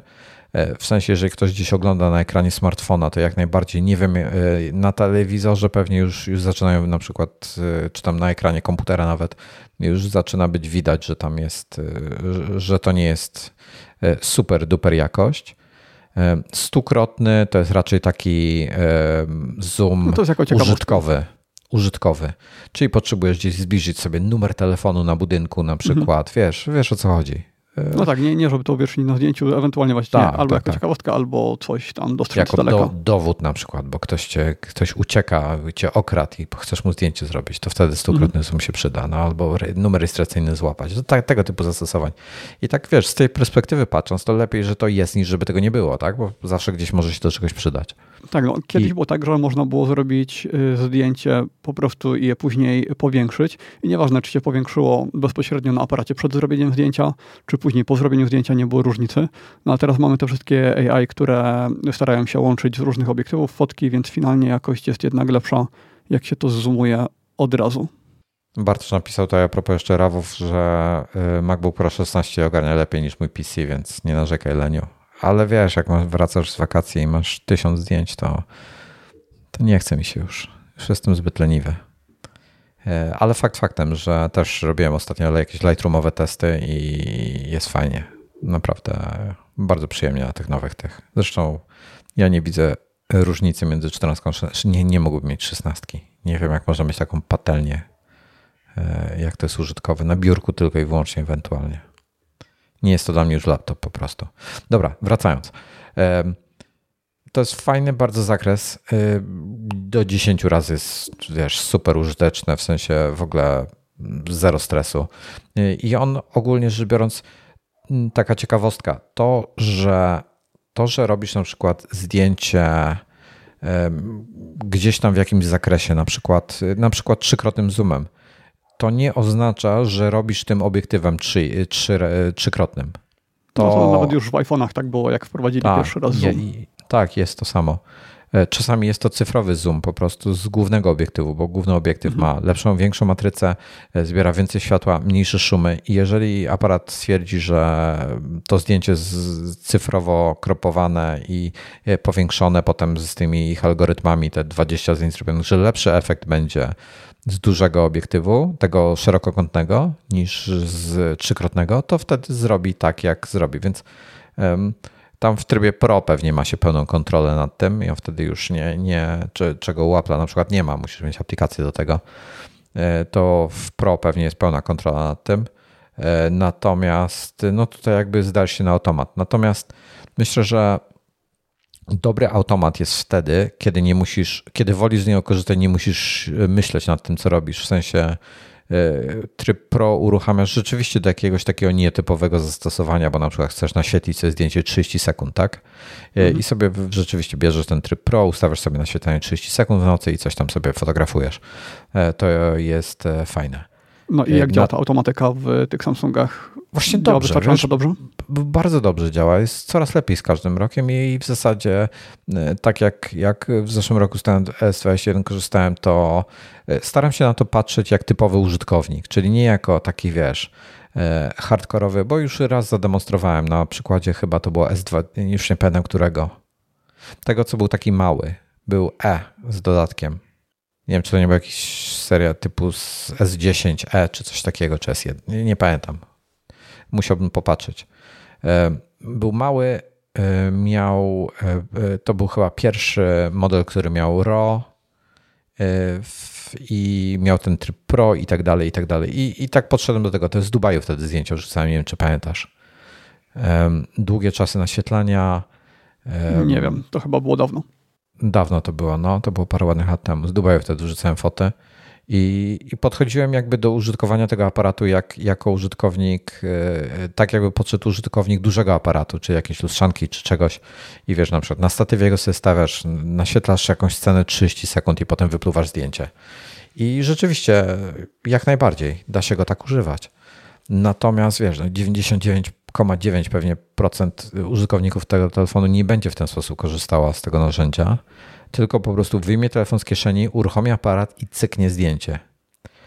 E, no tak, bo uprzednio... jak ktoś lata ze statywem, to najczęściej ma też od razu aparat do tego jakiś większy. No. Um, więc e, to jest y, tutaj ten automat działa bardzo fajnie, tak jak w zeszłym roku właśnie robiłem. Tak chciałem na no, automacie zobaczyć, jak na automat po, działa. Powiedziałeś, że z roku na rok działa lepiej. To wcale nie jest takie oczywiste, no bo Apple jednak już dwukrotnie skopało chyba e, smart, e, ten smart HDR. Raz tak. w iPhone'ie chyba 10S. E, tak, w 10S był skopany. gdzieś jakoś niedawno, nie wiem czy w zeszłym roku, była tam jeszcze jakaś wpadka. W 11 był ok. Nie pamiętam jaki. Ja nie wiem, czy może w 12 właśnie był. Teraz jest, też się wydaje, że jest ok. Więc, e, więc no nie wiem. E, w każdym razie. Hmm, tutaj padło pytanie, kiedy będzie recenzja na, e, na YouTubie. Nie wiem, czy zdążę, bo ja tak, ja niedługo wyjeżdżam na, na, na dwa tygodnie i nie wiem, czy zdążę do tego czasu nagrać to, co chcę nagrać, a nie wiem, czy jest sens, żebym nagrywał jakieś pierwsze wrażenia, czy, czy pokaz, żeby pokazać ten telefon. Nie wiem, jak chcecie, to dajcie znać, to e, rozważy coś takiego. Natomiast mam w cholerze do przygotowania przed wyjazdem, więc nie wiem. I, ale na wyjeździe będzie, e, będzie fajna okazja, żeby przetestować aparaty w tym, e, w tym telefonie i zrobić porównanie do iPhone'a na przykład. No właśnie, w czym jest, w czym jest lepsze od iPhone'a? Kurde, no przede wszystkim wiesz. Od tego obecnego iPhone'a, którego masz. No, Pro, od tak? obecnego. Zobaczy, Pro. Nie wiem, zobaczymy. Jeszcze nie robiłem jakichś takich żadnych fot porównawczych. Um, zobaczymy, jak się te zoomy spisują. iPhone dotychczas nie miał zoomów, tak? Miał dwa razy. E, ten, ten dwukrotny mhm. zoom, co był. E, poza mm, Pro Maxem w zeszłym roku, no ale Pro Max to nie dla mnie, więc dla mnie nie miał.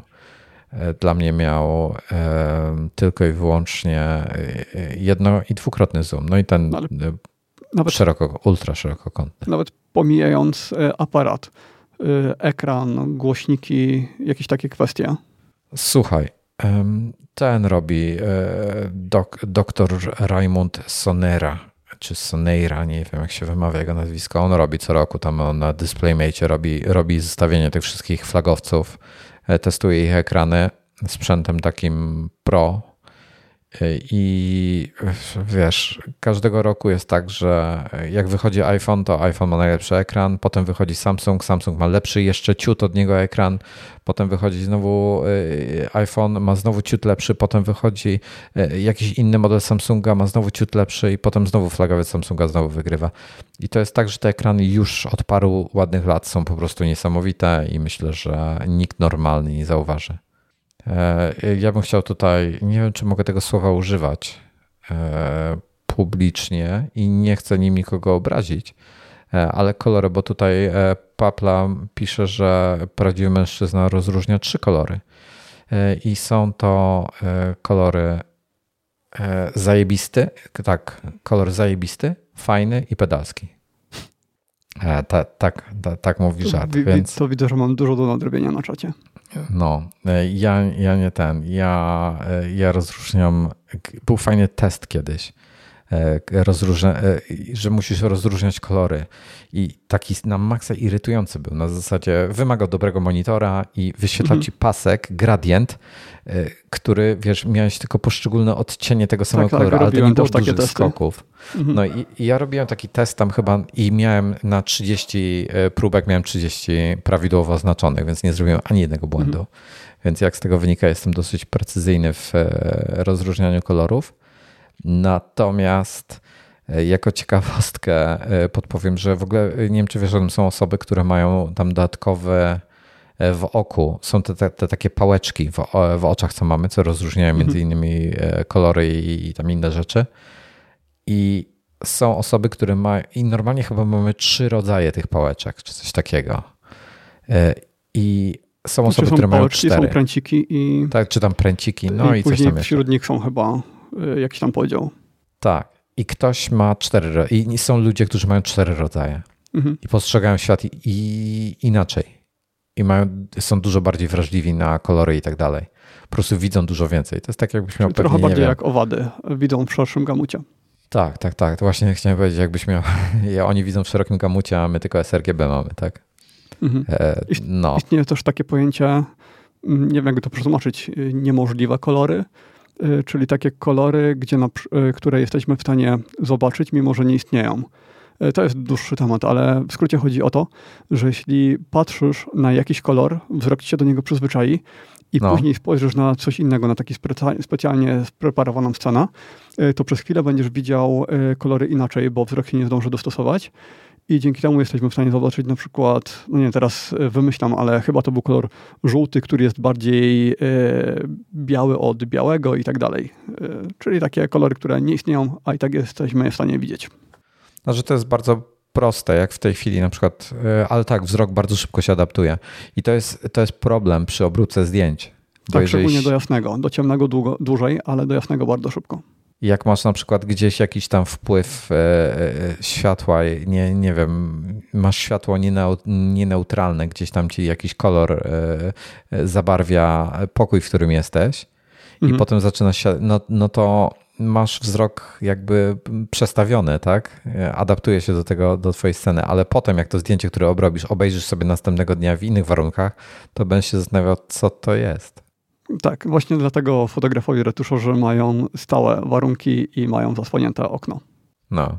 I fajnie jest, dobrym tipem jest, szczególnie jak nie macie takich warunków, z jakiegoś było takich prawidłowych, fajnie jest wziąć sobie zdjęcie, które i na przykład y, y, przerobicie jakąś tam partię zdjęć, e, tutaj do Bartka głównie chyba mówię, E, przerobicie partię zdjęć, e, wypuśćcie sobie JPEGi, nic z nimi nie róbcie i następnego dnia o innej porze przejrzyjcie sobie te zdjęcia. Tak po mhm. prostu. Albo nawet w trakcie obróbki obok zdjęcia referencyjne, czyli yy, na przykład postać, bo to głównie do, dotyczy postaci, dotyczy skóry. Yy, modelka, czy tam osoba z jakąś tam karnacją skóry w danym odcieniu, na przykład taka lekko bardziej pomarańczowa niż czerwona, i jednocześnie taka jasna, a nie mocno opalona, to wyświetlamy sobie takie zdjęcia, że do tego chcemy dążyć. No i porównujemy sobie jedno to, nad którym pracujemy, z tym zdjęciem e, obok. Bo czasami e, jest tak, że mogę chcieć dążyć do jakiejś karnacji skóry, która wydaje mi się, że jest taka lekko pomarańczowa, a później odpalam obok zdjęcie, w którym faktycznie jest taka postać i się okazuje, że nie, że mój wzrok po prostu tak się przyzwyczaił do tej sukienki czerwonej i do tego wszystkiego, co było wokół postaci, y, że jednocześnie kolor skóry zacząłem inaczej postrzegać i ona jest wcale nie, nie taka pomarańczowa, tylko zupełnie czerwona. Dlatego ja, ja uruchamiam sobie zdjęcia takie referencyjne obok. No, no. E, Tomasz, za takie tematy dostaniesz bana zaraz. Nie rozmawiamy tutaj na te tematy. Co w zeszłym tygodniu, zeszły tydzień najlepszy przykład był, że nie należy tego robić. E, wracamy do adaptacji. Czyli dom, domyślam się, że e, padł temat Polityka. szczepionek, ale aha. Okay. Nie, chodzi o politykę. To jeszcze gorszy temat niż szczepionki. Mm. No, także wiesz, telefon jest naprawdę jest solidnie wykonany, jest bardzo fajny. Przede wszystkim ja, nie, ja bardzo nie lubię iPhone'ów za to, że mają w tej chwili ten kwadratowy design. Tak, on ładnie wygląda poza tymi błyszczącymi ramkami, ramkami które wyglądają odpustowo na maksa. Ja mam taką błyszczącą ramkę swoim, e, bo, bo nie byłem w stanie zdzierżyć myśli o tym, że będzie ten brud widać na tych ciemnych, więc wziąłem sobie białego i mam tą ramkę i bardzo tego nie lubię. E, nie podoba mi się to. E, wolałem jak była seria 11, 10S, 10 i tak dalej, gdzie ta ramka w koło była zaokrąglona i Samsung się trzyma tego na szczęście, nie kopiuje Apple w tym, e, w tych ramkach. Te, ten jest całkiem wygodny w ręce. Dobrze się go trzyma. Ta, ta, tu jest całość, całość jest taka zaokrąglona i, i naprawdę bardzo dobrze leży w ręce, mimo że to jest gigantyczny telefon, to jest 6-8 cala. E, więc to jest naprawdę gigantyczny telefon. Zresztą widać ekran w zasadzie w całości. Tutaj akurat, dobra, nie widać, bo jest e, e, za dużo za dużo czarnego, ale tutaj o, uruchomiłem akurat aplikację. Proszę. Zobacz, jak staram się równo no tak, ustawić. Jest ramka, ale jest dość mała. No jak się popatrzysz po bokach, przez to, że jest zagięty ekran, ta ramka w ogóle wygląda nam bardzo mało. Wydaje się mniejsza. I ja rozumiem, dlaczego to zrobili. E, osobiście, natomiast, aha, e, Plus i zwykły S22 ma taki bardziej e, brzegi ma bardziej zaokrąglone, ma tak, tak, taki ładny, ładny łuk zrobiony i jest płaski całkowicie ekran. Wolę to, preferuję. Zresztą zaskoczenie pełne, S22, ten mały, mały, 6,2 cala miał w zeszłym roku. S21, ten, ten zwykły miał 6,2 cala. W tym roku ma 6,1 cala. Zmniejszyli go trochę. Co, co jest dobrym krokiem moim zdaniem, bo jest chyba w tym roku jest 6,1, 6,6 i 6,8. E, no i tylko Ultra ma te wszystkie bajery. E, jeśli chodzi o rysik, czyli no i to, w zasadzie, no wiesz, te wszystkie funkcje Note'a przejął, tak? Więc jest e, rysik, który się tutaj chowa. E, on ma w tej chwili w, nie, nie wiem jak jest z tym, nie, nie sprawdzałem jak jest w Note. W Galaxy tym nowym tabie S8 ma mniejsze opóźnienie niż Pencil u Apple'a. Więc mhm. jestem bardzo ciekawy. Tak? Ten tak, drugiej tak, generacji. Tak, drugiej generacji. Bo tamta ma chyba, Apple ma chyba 6 czy 7 milisekund, e, a jak on się nazywa? E, e, Tab S8, ale to musi być Ultra, ten najlepszy, ten z tym dużym ekranem, tym 14,6 cala. On ma chyba 2,8 czy coś takiego milisekundy. Więc wiesz, no fajna różnica. Nie wiem, kurczę, fajny. Ten, ten burkon mi się podoba. Jest taki delikatny. Nie spodziewałem się, że mi się przypadnie do gustu. No, autentycznie myślałem, bo zobaczyłem, e, wczoraj przy, przyjechał kurier, robiłem co innego, więc dostałem pudełko, zobaczyłem po SC, że jest burgundowy e, i się, a cholera, miałem nadzieję, że biały przyjedzie, ale fajnie, fajnie, wygląda dużo tego. I tak bym go nie wybrał, w sensie dla siebie wziąłbym białego e, albo czarnego, ale podoba mi się. Wygląda dużo lepiej niż się spodziewałem, że będzie wyglądała. Mówię, wcześniej go nie widziałem, w zasadzie dzisiaj, teraz w tym świetle pierwszy raz go widzę, także. Także tak. I co? I bardzo wygodnie leży w ręce. E, S22, ten najmniejszy, w ogóle jest genialny, jeśli chodzi o ergonomię, jest świetny. Ja, ja nie wiem, czy on nie jest, nie, nie porównywałem wymiarów, trzeba by sprawdzić. E, podejrzewam, że jest ciut cieńszy od iPhone'a, więc dzięki temu i, i tym zaokrąglonym brzegom jeszcze wygodniejszy jest. No właśnie, e. Y, ten, którego trzymasz teraz w ręce, to no ze względu na tę krawędzie zaokrąglona, wygląda no. jakby był dużo, dużo cieńszy niż iPhone. No. E, ja nie wiem, czy on nie jest cieńszy. Mówię, nie, nie porównywałem, nie sprawdzałem i jest naprawdę cieniutki. Bardzo, bardzo fajny telefon. E, ekrany jak zwykle genialne, aparaty są naprawdę bardzo dobre. Wiesz co, ciężko mi jest powiedzieć, czy jest lepszy od, e, od iPhone'a, czy nie, bo widzisz, tu jest najlepszy przykład, e, który ten, który, e, gdzie mi te testy, co nie wiem, czy kojarzysz, MKBHD robi te takie testy ślepe smartfonów. Tak. Czyli... Problem w tym całym teście, problemów jest kilka. Po pierwsze, są tu zdjęcia, które lecą na Twittera, gdzie Twitter ma albo na Instagrama i tak dalej. Tak, ale są... Twitter na szczęście e, w ostatnim roku już nie ma tej koszmarnej kompresji zdjęć, którą miał wcześniej ale nadal jest ta kompresja. Wiesz, ja podejrzewam, że naprawdę sporo informacji jest wycinanych z tych zdjęć, jeśli chodzi o... Mhm. I nie wiem, jak jest na Twitterze, ale na przykład Instagram no. przerabia do sRGB, więc tam co z tego, że zdjęcie tak. będzie miało super kolory, tak. skoro Instagram y, to zmasakruje i właściwie czym szerszy gamut był na początku, tym większa tak. masakra będzie po tak. e, przypisaniu profilu, bo on nawet tego nie robi Dokładnie. Już nie pamiętam jak jest teraz, ale on chyba nawet nie robi konwersji, tylko podmienia profil na sRGB, czyli y, no, źle, źle to wygląda. Więc optymal, dlatego to już jest pierwszy problem z tym testem, tak? Bo już sobie, chociaż on jest bardziej rzeczywisty, bo rzeczywiście ludzie wrzucają foty właśnie w takie miejsca, więc jakby y, odzwierciedla rzeczywistość, ale nie odzwierciedla możliwości aparatów. Mhm. I tutaj lepiej byłoby na przykład zrobić dedykowaną stronę internetową, gdzie masz po prostu kolejne strony, masz tam wyświetlonych, nie wiem, e, właśnie te zdjęcia obok siebie i sobie wybierasz któreś. I jeżeli oglądasz to na dobrym ekranie, to wiesz, że widzisz to, co powinieneś widzieć, tak? Bo każde zdjęcie ma mhm. profil i tak dalej, i tak dalej, i jest bez kompresji zrobione itp. itd. E, po drugie, oglądanie, wiesz, większość ludzi ogląda te zdjęcia i, i te testy robi na, na innych smartfonach, więc E, problem jest taki, że większość smartfonów, e, no wyjątkami są właśnie te typu Samsungi, e, czy, no, czy flagowce, tak, czy, czy że mają dobrą kalibrację ekranu. Jak, jak pokazują testy tego, tego DisplayMate Technologies, to w ostatnich latach Samsungi mają, są bardzo dobrze skalibrowane i zresztą iPhony też. I więc wiesz, tam widzisz to, co widzisz. Natomiast są inne, inne smartfony, które podbijają na maksa kolory, jakiś kontrast zwiększają i tak dalej. I e, dla wielu osób to, że jest na maksa przejaskrawione zdjęcie albo że jest kontrast wysoki i tak dalej, to jest plus dla nich, tak? Lepiej to zdjęcie wygląda, bo jest takie tak bardziej e, e, wiesz, rzuca się w no tak, oczy. Tak, dla, dlatego e, tryb filmowy, tryb, e, jak to się nazywa, nie marketowy, Y, y, te telewizory mają taki tryb specjalny demo, który się uaktywnia, y, puszcza się go w sklepie i on poza tym, że najczęściej ma bardzo wysoką jasność, no to też kolory ma takie na maksa nasycone, przesycone, bo pierwsze wrażenie jest wtedy takie, że jak obok, obok masz telewizor, który wyświetla neutralnie i obok niego stoi ten w tym trybie demo, no to trawa jest bardziej zielona i niebo jest bardziej niebieskie, więc jest lepszy.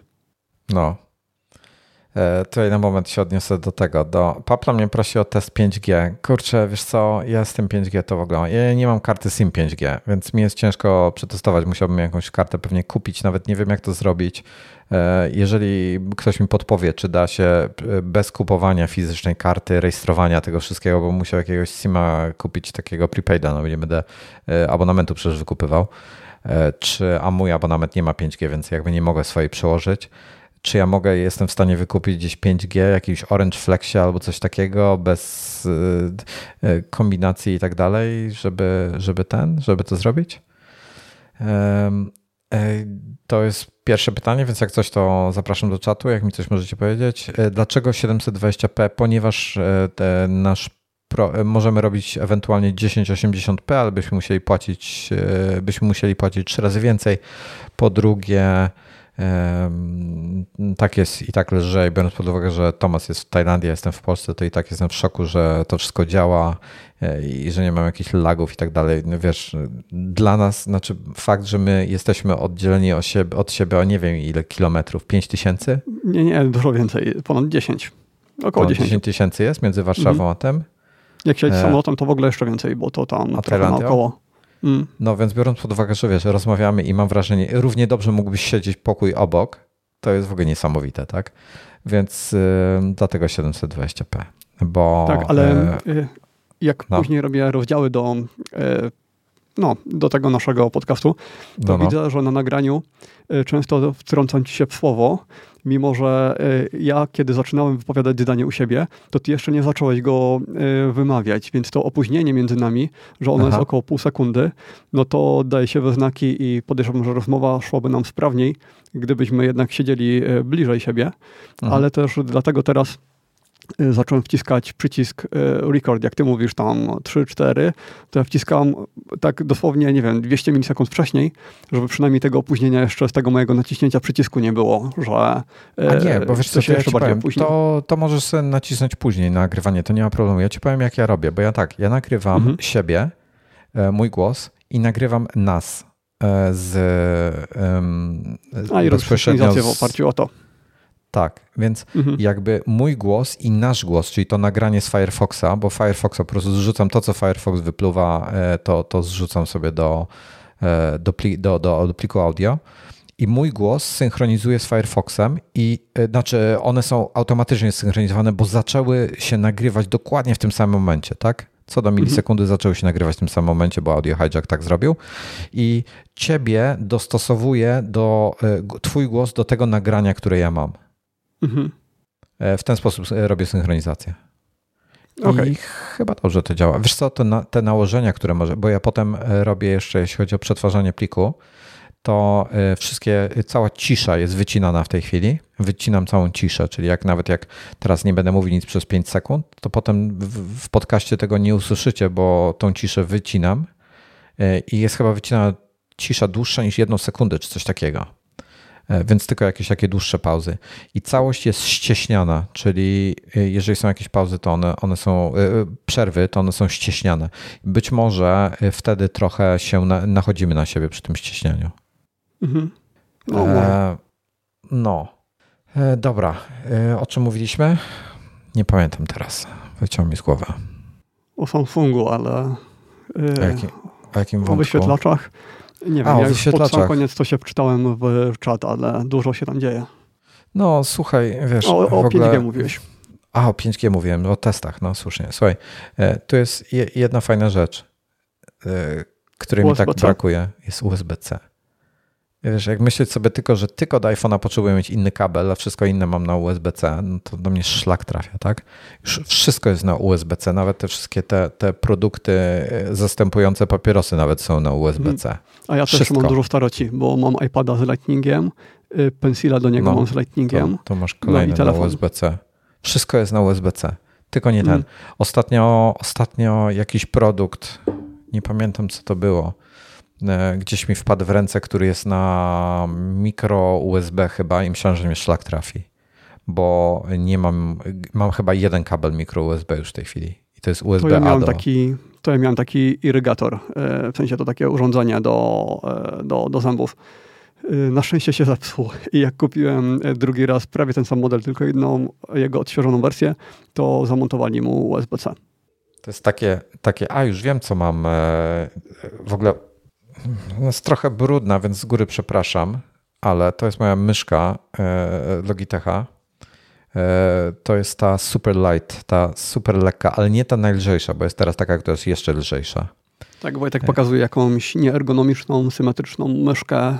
To jest małą, taka dla graczy. Niezbyt wielka, y, nie, niezbyt wysoka. Jest bardzo lekka i ona ma, tutaj być może widać, ma mikro USB. I to mnie denerwuje mhm. na maksa. Ale to ona wyszła już dawno temu, tak? No, przed rokiem, może, może nawet półtora albo coś takiego. Teraz no jest taka wersja, teraz tak na, dosłownie wypuścili, na, na, w tym tygodniu wypuścili y, tą, bo to jest ta wersja taka, ona była super light, a potem jest jakaś super light extra, która jest jeszcze lżejsza o kolejne 30%. Ta, ta myszka waży typu, nie wiem, 80 gramów, a ta super, super lekka wygląda identycznie, ale waży typu 60 parę gramów. I, I teraz wyszła... Ciekawa Mhm. Wersja magentowa, taka magenta, taka lekko wpadająca w róż. Ewelina e, wrzucała, się zakochała w niej, to wrzucała fotę, ja retweetowałem ją. Jest to o tyle ciekawe, że wśród myszek dla graczy swego czasu popularne były ciężarki. Były myszki z, z dołączonymi ciężarami tak, i się tak. dobierało do potrzeb. Jedna wada tej myszki dla mnie, tak skoro już o myszce rozmawiamy, to jest to, że ten tu, tutaj jest tutaj, w tym miejscu kończy się e, przycisk. Jest dosyć długi.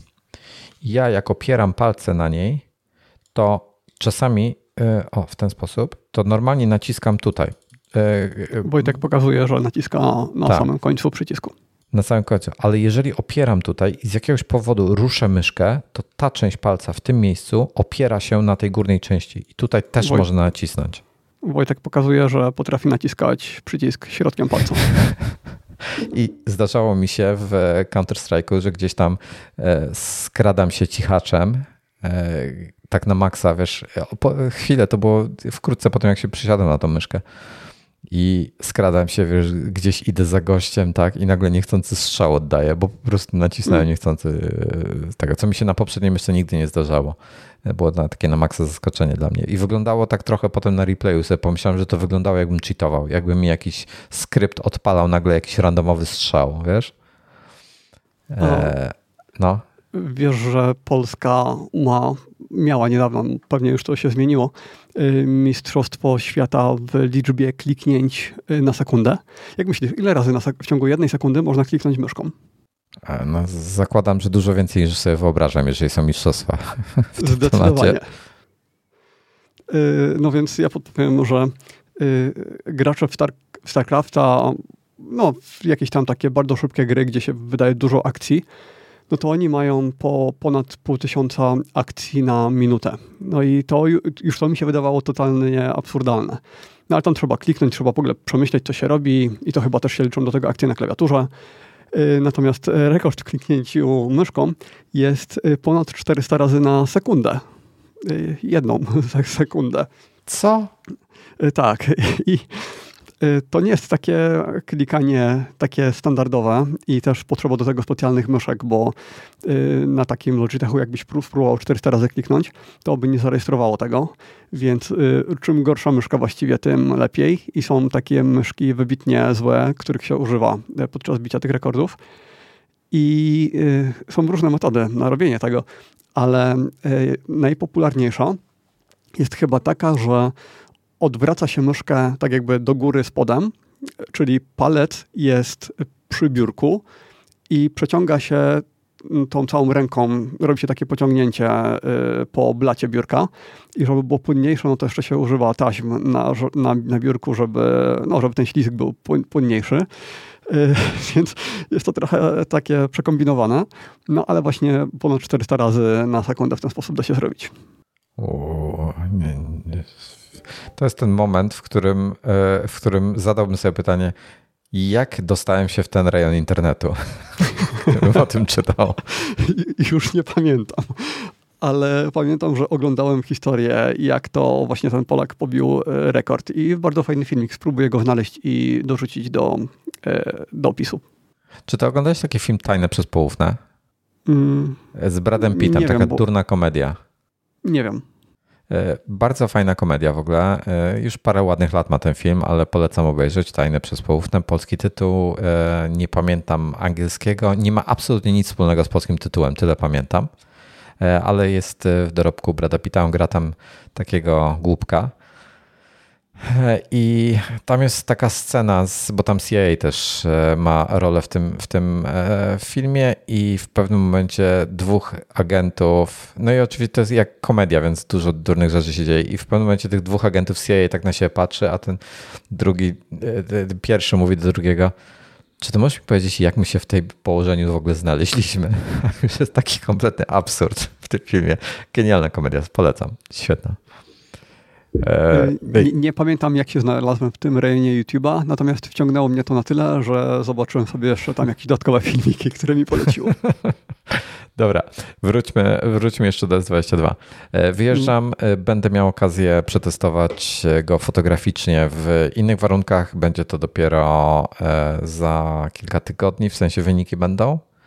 E, więc a i to chciałem się odnieść, bo wczoraj, bo wczoraj mm, te e, demo się rozjechały po recenzentach, e, więc wczoraj ludzie widziałem wyszli na miasto w tą paskudną pogodę i robili nocne foty. Hmm, warunki są nieciekawe, więc być może sensowne, bo, bo Samsung tutaj mocno stawia na właśnie nocną fotografię. Tutaj dużo poprawek zrobili. Zresztą to jest taki update tego modelu, że niby niewiele jest nowego, ale tak naprawdę wszystko, każdy element, wiesz, gdzieś został poprawiony. Software, tutaj jakaś nowa funkcja, tutaj stara funkcja, która została ulepszona i tak dalej. W zasadzie wszystko, wszystko zostało gdzieś tam, wiesz, szturchnięte poprawione i tak dalej, i tak dalej. Więc jestem ciekawy efektów finalnych, szczególnie właśnie pod kątem e, fotograficzno, e, fotograficznym i wideo. E, nie wiem właśnie jak ten. Zastanawiam się, co z tym, jak pod kątem może jakiegoś vloga zrobić z tego wideo. Wiesz, pod tym kątem z tego wyjazdu po prostu zobaczyć, jak te, jak te aparaty się spisują do vlogowania. Także, także nie wiem. I co, co z tym zrobić, ale fotograficznie na pewno będę porówna, e, zrobił porównanie do iPhone'a. Aha, już wiem, jak do tego wszystkiego dotarliśmy. Już, no, już no i, powoli no dzisiaj e, wracam. Bo przednia kamera jest też bardzo istotna przez TikToka. Ta. No, no, mów, mów. E, bo tutaj rozmawialiśmy o MKBHD, że te testy jego są takie, ten. I słuchaj, i wiesz, i wygrywa u niego w teście smartfon za 900 zł, tak? Mhm. tak. I więc Wiesz, i co z tego, że ten iPhone, czy Samsung, czy cholera wie jaki inny telefon robi super realistyczne zdjęcia, genialnie odzwierciedla kolory i tak dalej, i tak dalej. Jeżeli ludzie, którzy głosują, oglądają to na ekranach nieskalibrowanych, yy, widzą przekłamania i tak naprawdę wygrywa to, które zdjęcie jest najbardziej kontrastowe i które ma najbardziej podbite kolory. No, finalnie tak to, to tak wychodzi, tak? I mhm.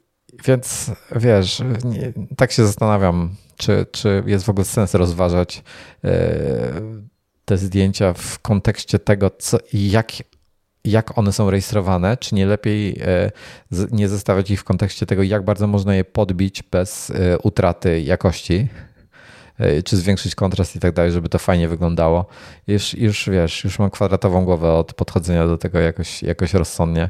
No bo potem wrzucasz takie nudne zdjęcie, które rzeczywiście jest e, świetne, natomiast za mało nasycone i tam jest, wiesz, pole do tego jeszcze, mimo że to JPEG, jest miejsce, żeby zwiększyć nasycenie, e, ale tego nie zrobisz i cię skrytykują, że jest brzydkie zdjęcie. No, no nie wiem. Mnie w tych aparatach smartfonowych najbardziej interesuje, jak one się nadają do fotografowania ludzi, do portretów, bo dopóki nie mieliśmy tych dużych zoomów, mm. no to trzeba było albo wstać daleko i później kadrować te twarze, albo podchodzić blisko i deformowało się wszystko i źle to wyglądało.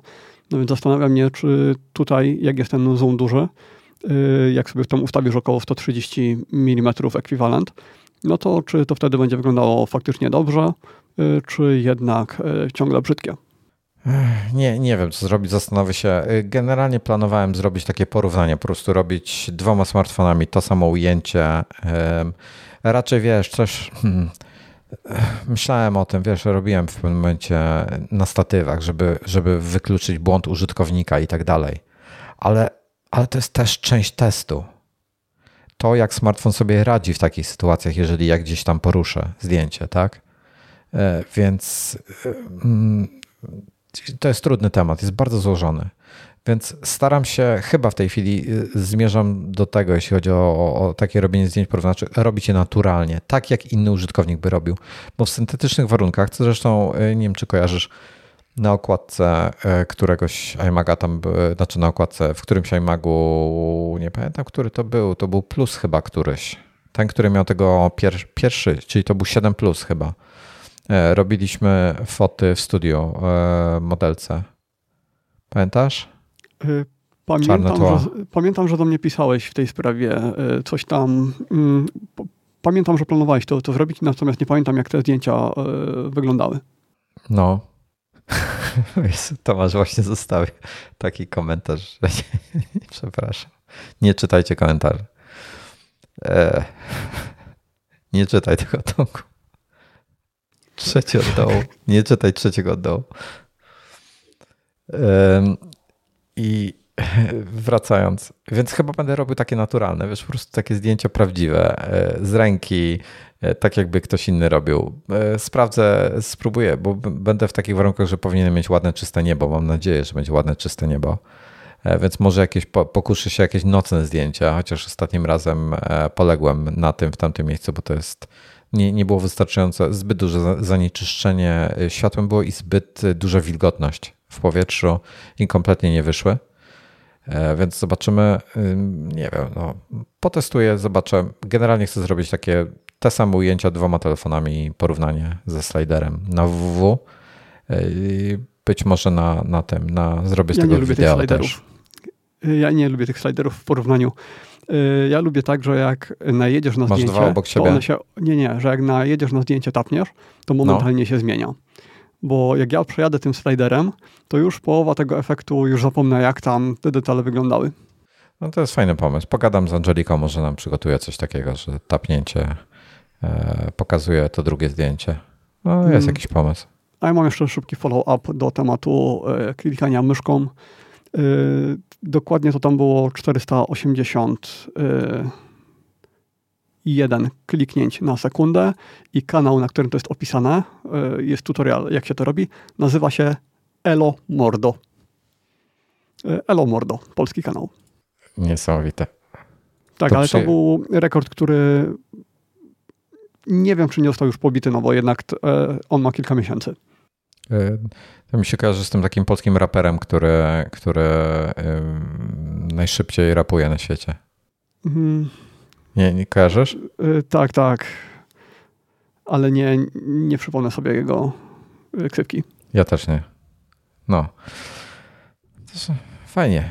Dobra, ja nie będę, ja nie będę testował tego, nie, nie będę próbował e, tego zrobić. No, także, także e, tyle jeśli chodzi o to. Nie wiem, może, może pomyślę nad tym, żeby, żeby tym telefonem jakiegoś loga nagrać, bo on w sumie też, wiesz, tam te wszystkie możliwości, um, jeśli chodzi o formaty, wiesz co mam na myśli. No, dzi e. dzisiaj filmy się liczą dużo bardziej niż zdjęcia, to jest pewne. No. Masz TikToka już swojego? Masz kanał? Nie, mamy TikToka iMagowego, wiesz, ale powiem ci szczerze, że nie będę uczestniczył w TikToku. To jest. Ze względu na politykę firmy, czy. Nie, to jest patologia. Jest to jest patologia. To jest taki. Yy... To jest tak, że możesz siedzieć. Sprawdzałem to. Możesz siedzieć, gapić się w ekran smartfona przez 5 mhm. godzin non-stop, rzucać sobie kolejne TikToki i nie, nie wyciągniesz z tego nic kompletnie. No, zależy, co ci tam algorytm dobierze, ale algorytm, algorytm mają świetny. Chyba najlepiej rozpracowali z wszystkich. Nie, mają do dupy. Mi na początku, ja określiłem nie, swoje zainteresowania. Jakby do dupy, to byś y, nie spędził tam pięciu godzin, tylko byś po chwili wyłączył. Ale, właśnie ale... przez to, że on cię tak uzależnił, to znaczy, że dobry. Nie, ale wiesz, ja to w ramach testu robiłem, tak? Już wykasowałem mhm. go. E, I słuchaj, określiłem swoje zainteresowania moje zainteresowanie to były jakieś tam śmieszne zwierzęta, technologia i coś tam jeszcze. Muzyka, coś takiego, tak? Mhm. Jaki pierwszy film mi za, e, zaproponował? Dawaj. E, no pewnie jakaś goła dziewczyna się rozbierająca albo coś takiego. Tak. No ale widzisz, bo znacie lepiej niż ty sam, to pewnie mają tam jakieś statystyki. To, słuchaj, to jest tak jak z filmami na tym, na Netflixie. Ludzie dodają sobie na listę do obejrzenia bardzo ambitne tytuły. Y, historie II wojny światowej, jakieś tam szczegóły, y, filmy dokumentalne. Aha. I później ich nie oglądają. To znaczy, Netflix kiedyś podał takie dane, jak to wygląda właśnie, że Aha. ludzie sami się okłamują, co chcą oglądać. I Netflix wie lepiej, co oni chcą oglądać, więc poleca im lepsze rzeczy i faktycznie później, jak mają wybrać tą historię wojny albo coś, co im poleci Netflix, to wybierają to, co im polecił. To jest jakaś masakra. E, to, co... O, e... wiem. E, chyba to było w książce Everybody Lies, wszyscy kłamią. No. Jeśli dobrze pamiętam, to na okładce jest słoń pomalowany na zebrę. Super książka pokazująca właśnie, wyjaśniająca to, jak bardzo sami siebie okłamujemy jak kłamiemy w ankietach, w różnych y, takich rzeczach i jak użyć big data, y, czyli jakiegoś tam Google'a, wyników wyszukiwania z Google'a, z Google Trends, z mhm. Pornhuba, tego typu rzeczy, do sprawdzenia, jakie faktycznie są nasze zainteresowania i jakie mamy zdanie na różne tematy. Na przykład w ten sposób da się przewidzieć wyniki wyborów w różnych stanach tylko na podstawie Google'a. O, wiesz co, taką ciekawostkę. Dopiero teraz zwróciłem na to uwagę, bo nie patrzyłem na to wcześniej. W sensie normalnie masz e, zoom jednokrotny, dwukrotny, e, wiesz, trzykrotny i tak dalej. Ci pokazuje te cyferki. I mhm. ultra szeroki kąt zamiast 0,5 raza, tak jak był w zeszłym roku, jest 0,6 raza. Więc zastanawiam się, czy i wygląda mi na to, że ten 26, czyli zakładam, że ten jest dalej 23, 13 mm szeroki kąt, bo tak wygląda mi dalej na 13, może 14 dali, ale wygląda mi na, dalej na mega szeroki. Ale w takim razie chyba zwykły szeroki kąt nie ma już 26 mm, tylko ma typu 24 czy coś takiego, bo wygląda mi na szerszy. Co biorąc pod uwagę akurat zakres, to jest dobre, bo tam przyciąć z 24 do 26 na przykład to jest żaden problem. Z 26 do 20. Yy, aha, tak, tak, dobrze. No. no, no, no. Nie, no wiesz, to jest w ogóle tyle różnych możliwości. To w tej chwili ma, że to, to już głowa boli. Jest ten tryb. Aha, w ogóle przedni obiektyw, bo tu ty pytałeś o to. E, przedni obiektyw, ten, ten tutaj mhm. ma 40 megapikseli. E, Ale czy wiem. to jest obiektyw taki skryty za szybką, który ma słabą jakość mimo tych pikseli? E, nie, nie, to jest taki mm, okay, ma wycięcia. widzisz, wycięcie, mhm. to jest normalne. Czyli to nie jest taki, bo ten co był w Foldzie to on ma chyba 4 mhm. megapiksele czy coś takiego. Nie, ten ma normalnie, to jest, to jest taki normalny obiektyw. Chciałem popatrzeć sobie na możliwości wideo jeszcze tutaj. To co, to, co nie lubię E, w Samsungu, to jest to, że ja, ja z tym nie mam problemu, ale mniej, że tak powiem, świadomy użytkownik może mieć z tym problem, bo na przykład głównym aparatem, tym, tym obiektywem, tym najlepszym, środkowym tutaj z tych dużych, e, on może nagrywać 8K, tak? Ale przełączasz się na inny obiektyw i on już nie może nagrywać 8K. E, I, i tutaj potencjalnie jest problem, że, że potem ktoś, wiesz, nie, nagrał coś 8K i potem nie będzie rozumiał, dlaczego, dlaczego jeden klip ma w UHD 60 fps, drugi ma w 8K 24 fps i tak dalej, i tak dalej. No ograniczenie sprzętu. Powiem tak, generalnie myślę, że nagrywanie w, w 8K dzisiaj nie ma żadnego sensu, szczególnie ze smartfona, mhm. bo po prostu nagrywając 4K uzyskasz lepszą jakość. E, no i wprowadzili też tą, tą funkcję, że tam są dynamicznie można zmieniać ilość klatek na sekundę. Na przykład, jeżeli masz ustawione UHD 60, no to w nocy będziesz miał słabą jakość, tak? Bo mało światło będzie docierało do matrycy. Więc on może tam dynamicznie z, zmieniać tą liczbę klatek na sekundę. Nawet chyba do 15 teoretycznie może zjechać. E, muszę popatrzeć, czy, i, jak można ten zakres ewentualnie regulować, czy jest to całkowity automat, e, jak to tam wygląda. Um, no, S21 Ultra też ma 0,6. Kurczę, so, b, b, przysięgam, że myślałem, że ma, że ma ten, że ma 0,5. Muszę aż na własne zdjęcia popatrzeć, bo mam zdjęcia z niego przecież jeszcze. Dobra, anyway, bardzo fajny, um, bardzo fajny y, smartfon. To w zasadzie mój jedyny, mój największy żal, jeśli chodzi o, o Samsunga Ultra, to jest to, że pomimo, że są trzy modele w tej chwili, masz S21, S21 Plus i Ultra.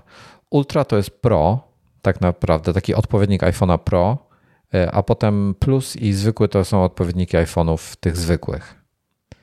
I, ale lepsze są, tak? Bo mają e, na przykład ten zwykły iPhone, e, iPhone zwykły 13 ma tylko dwa obiektywy. Ultra szeroki kąt i szeroki kąt a e, S22 ma e, trzy obiektywy, czyli ma zoom trzykrotny, czyli w zasadzie można powiedzieć, że jest odpowiednikiem Pro w świecie iPhone'ów, tak?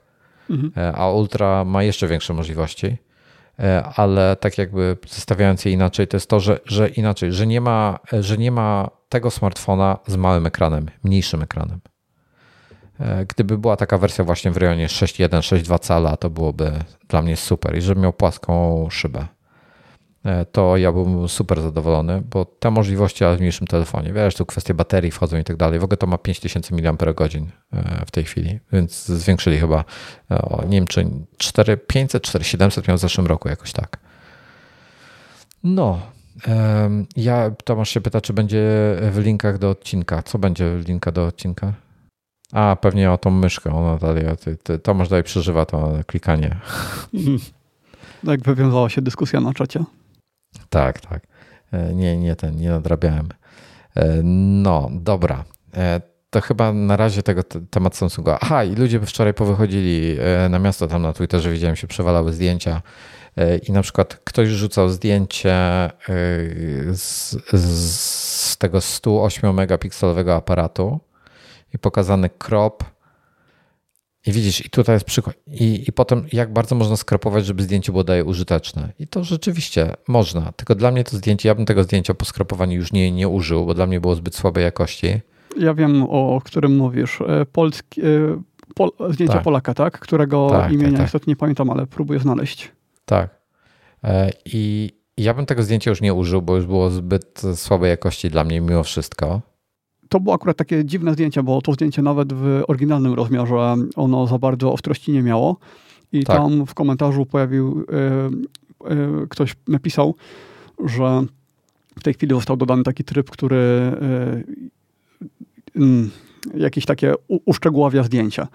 I... Bo to jest tak, ja już, już powiem o co chodzi. E, Samsung ma to, ta, ta matryca, ta główna matryca tutaj, ta z tego obiektywu, ona ma 108 megapikseli i miała 108 megapikseli w zeszłym roku e, w S21. I to jest wszystko fajnie i ładne. Ona ma 108 megapikseli, tylko na co dzień nie robi 108 megapikselowych zdjęć, bo to się mija z celem. Bo nie chcesz mieć 50 megabajtowego zdjęcia, które ci zajmuje miejsce na telefonie albo w chmurze.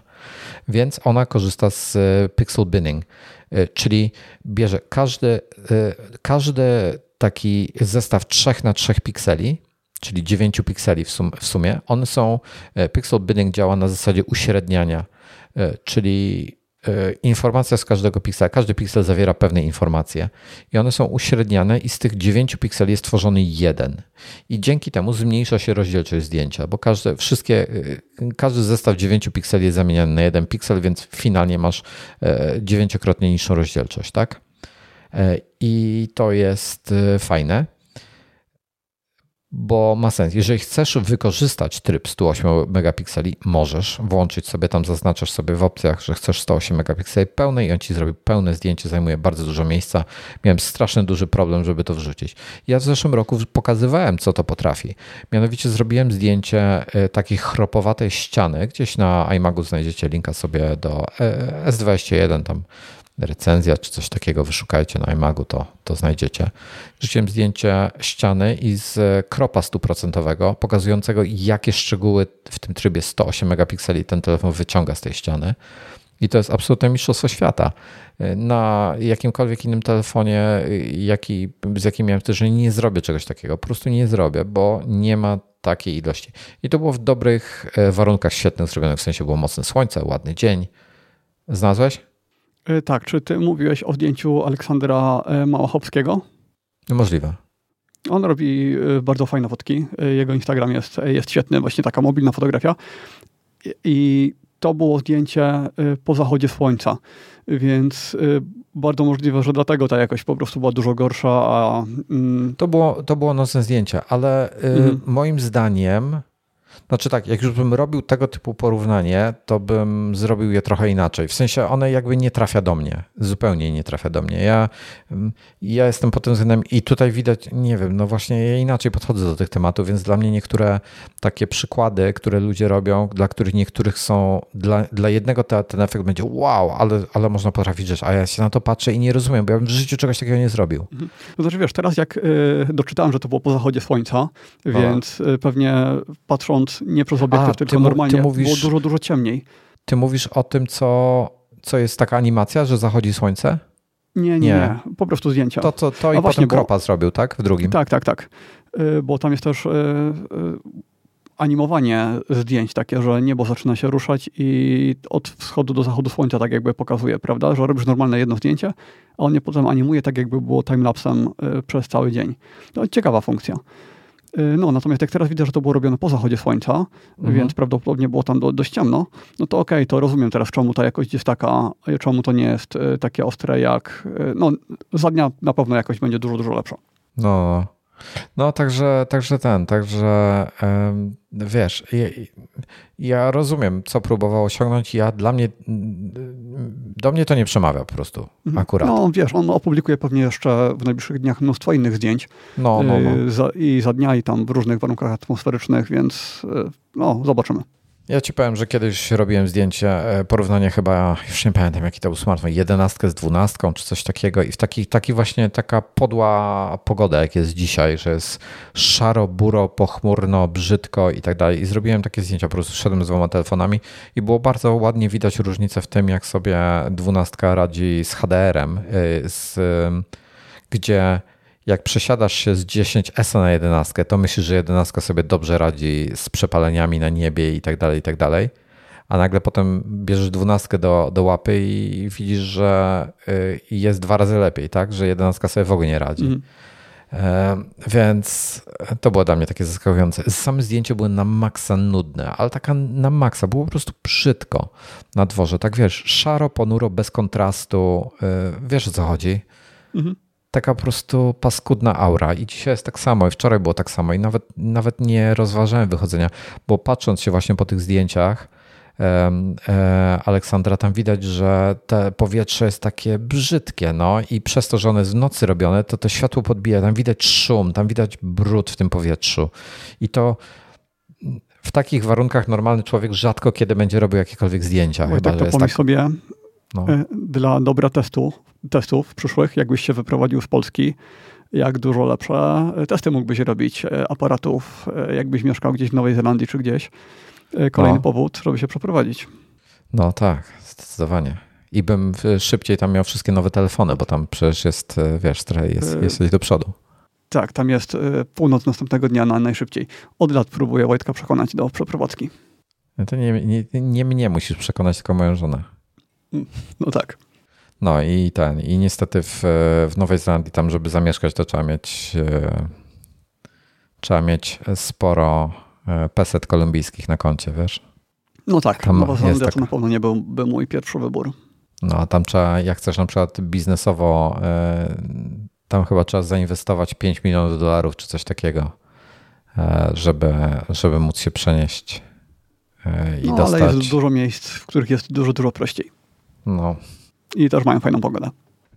Nie wiem, co, nie, nie wiem, co Tomasz w czacie dzisiaj brał, e, ale coś w ogóle z jednej strony bardzo lubi firmę Samsung, a z drugiej strony jest mu wstyd, bo coś tam, że on w życiu, coś tam napisał, że nie będzie miał w życiu Samsunga, bo coś tam i potem pisze, e, no dobra, trochę mi wstyd, mam telewizor Samsunga i odkurzacz. Aha, i jeszcze pralkę, jestem hipokrytą.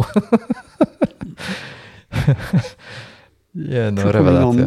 że telewizor Samsunga to jest najczęściej najbardziej y, zaśmiecające urządzenie, y, zaśmiecające sieć urządzenia, bo ono się tam łączy z bazą, z serwerami y, non-stop co chwilę. Bardzo się wtedy przydaje NextDNS albo jakaś taka podobna usługa. Żeby no, to bardzo, wiecie, co się bardzo przydaje? Nie podłączać telewizora do internetu i podłączenie Apple TV do niego. Problem no, rozwiązany. Tak. Chociaż uważam, że Apple TV ma przegiętą cenę, jak na to, co oferuje. Ależ oczywiście. Tak trzykrotnie. Oczywiście, że tak. Hmm. Ale to, to Apple, więc wiesz. No, z drugiej strony Androidy, które oferują 60K płynne w wielu klatkach też kosztują podobnie, czyli ten Nvidia Shield. Tak? Mhm. Ja nie wierzę, że jest problem z płynnością. Po prostu wiesz, nie, nie wierzę, że jest problem z płynnością 60 fps. No albo na przykład widziałem narzekania, że na Amazonie napisy są źle zsynchronizowane z tym, co się wyświetla z dźwiękiem. I się okazało, że to była wina przystawki telewizyjnej. Że jak się odpali na Apple TV, to już wszystko super działa. Okej, okay, ciekawe. A słyszałeś o tym? O Mazdzie teraz w Stanach? Yy, że przez radio zhakowano Mazdy? To, słuchajcie, y, stacja radiowa, y, jak, jak nadaje sygnał, to przy tych, przy tych, tych ona może wysyłać y, na przykład swoje logo.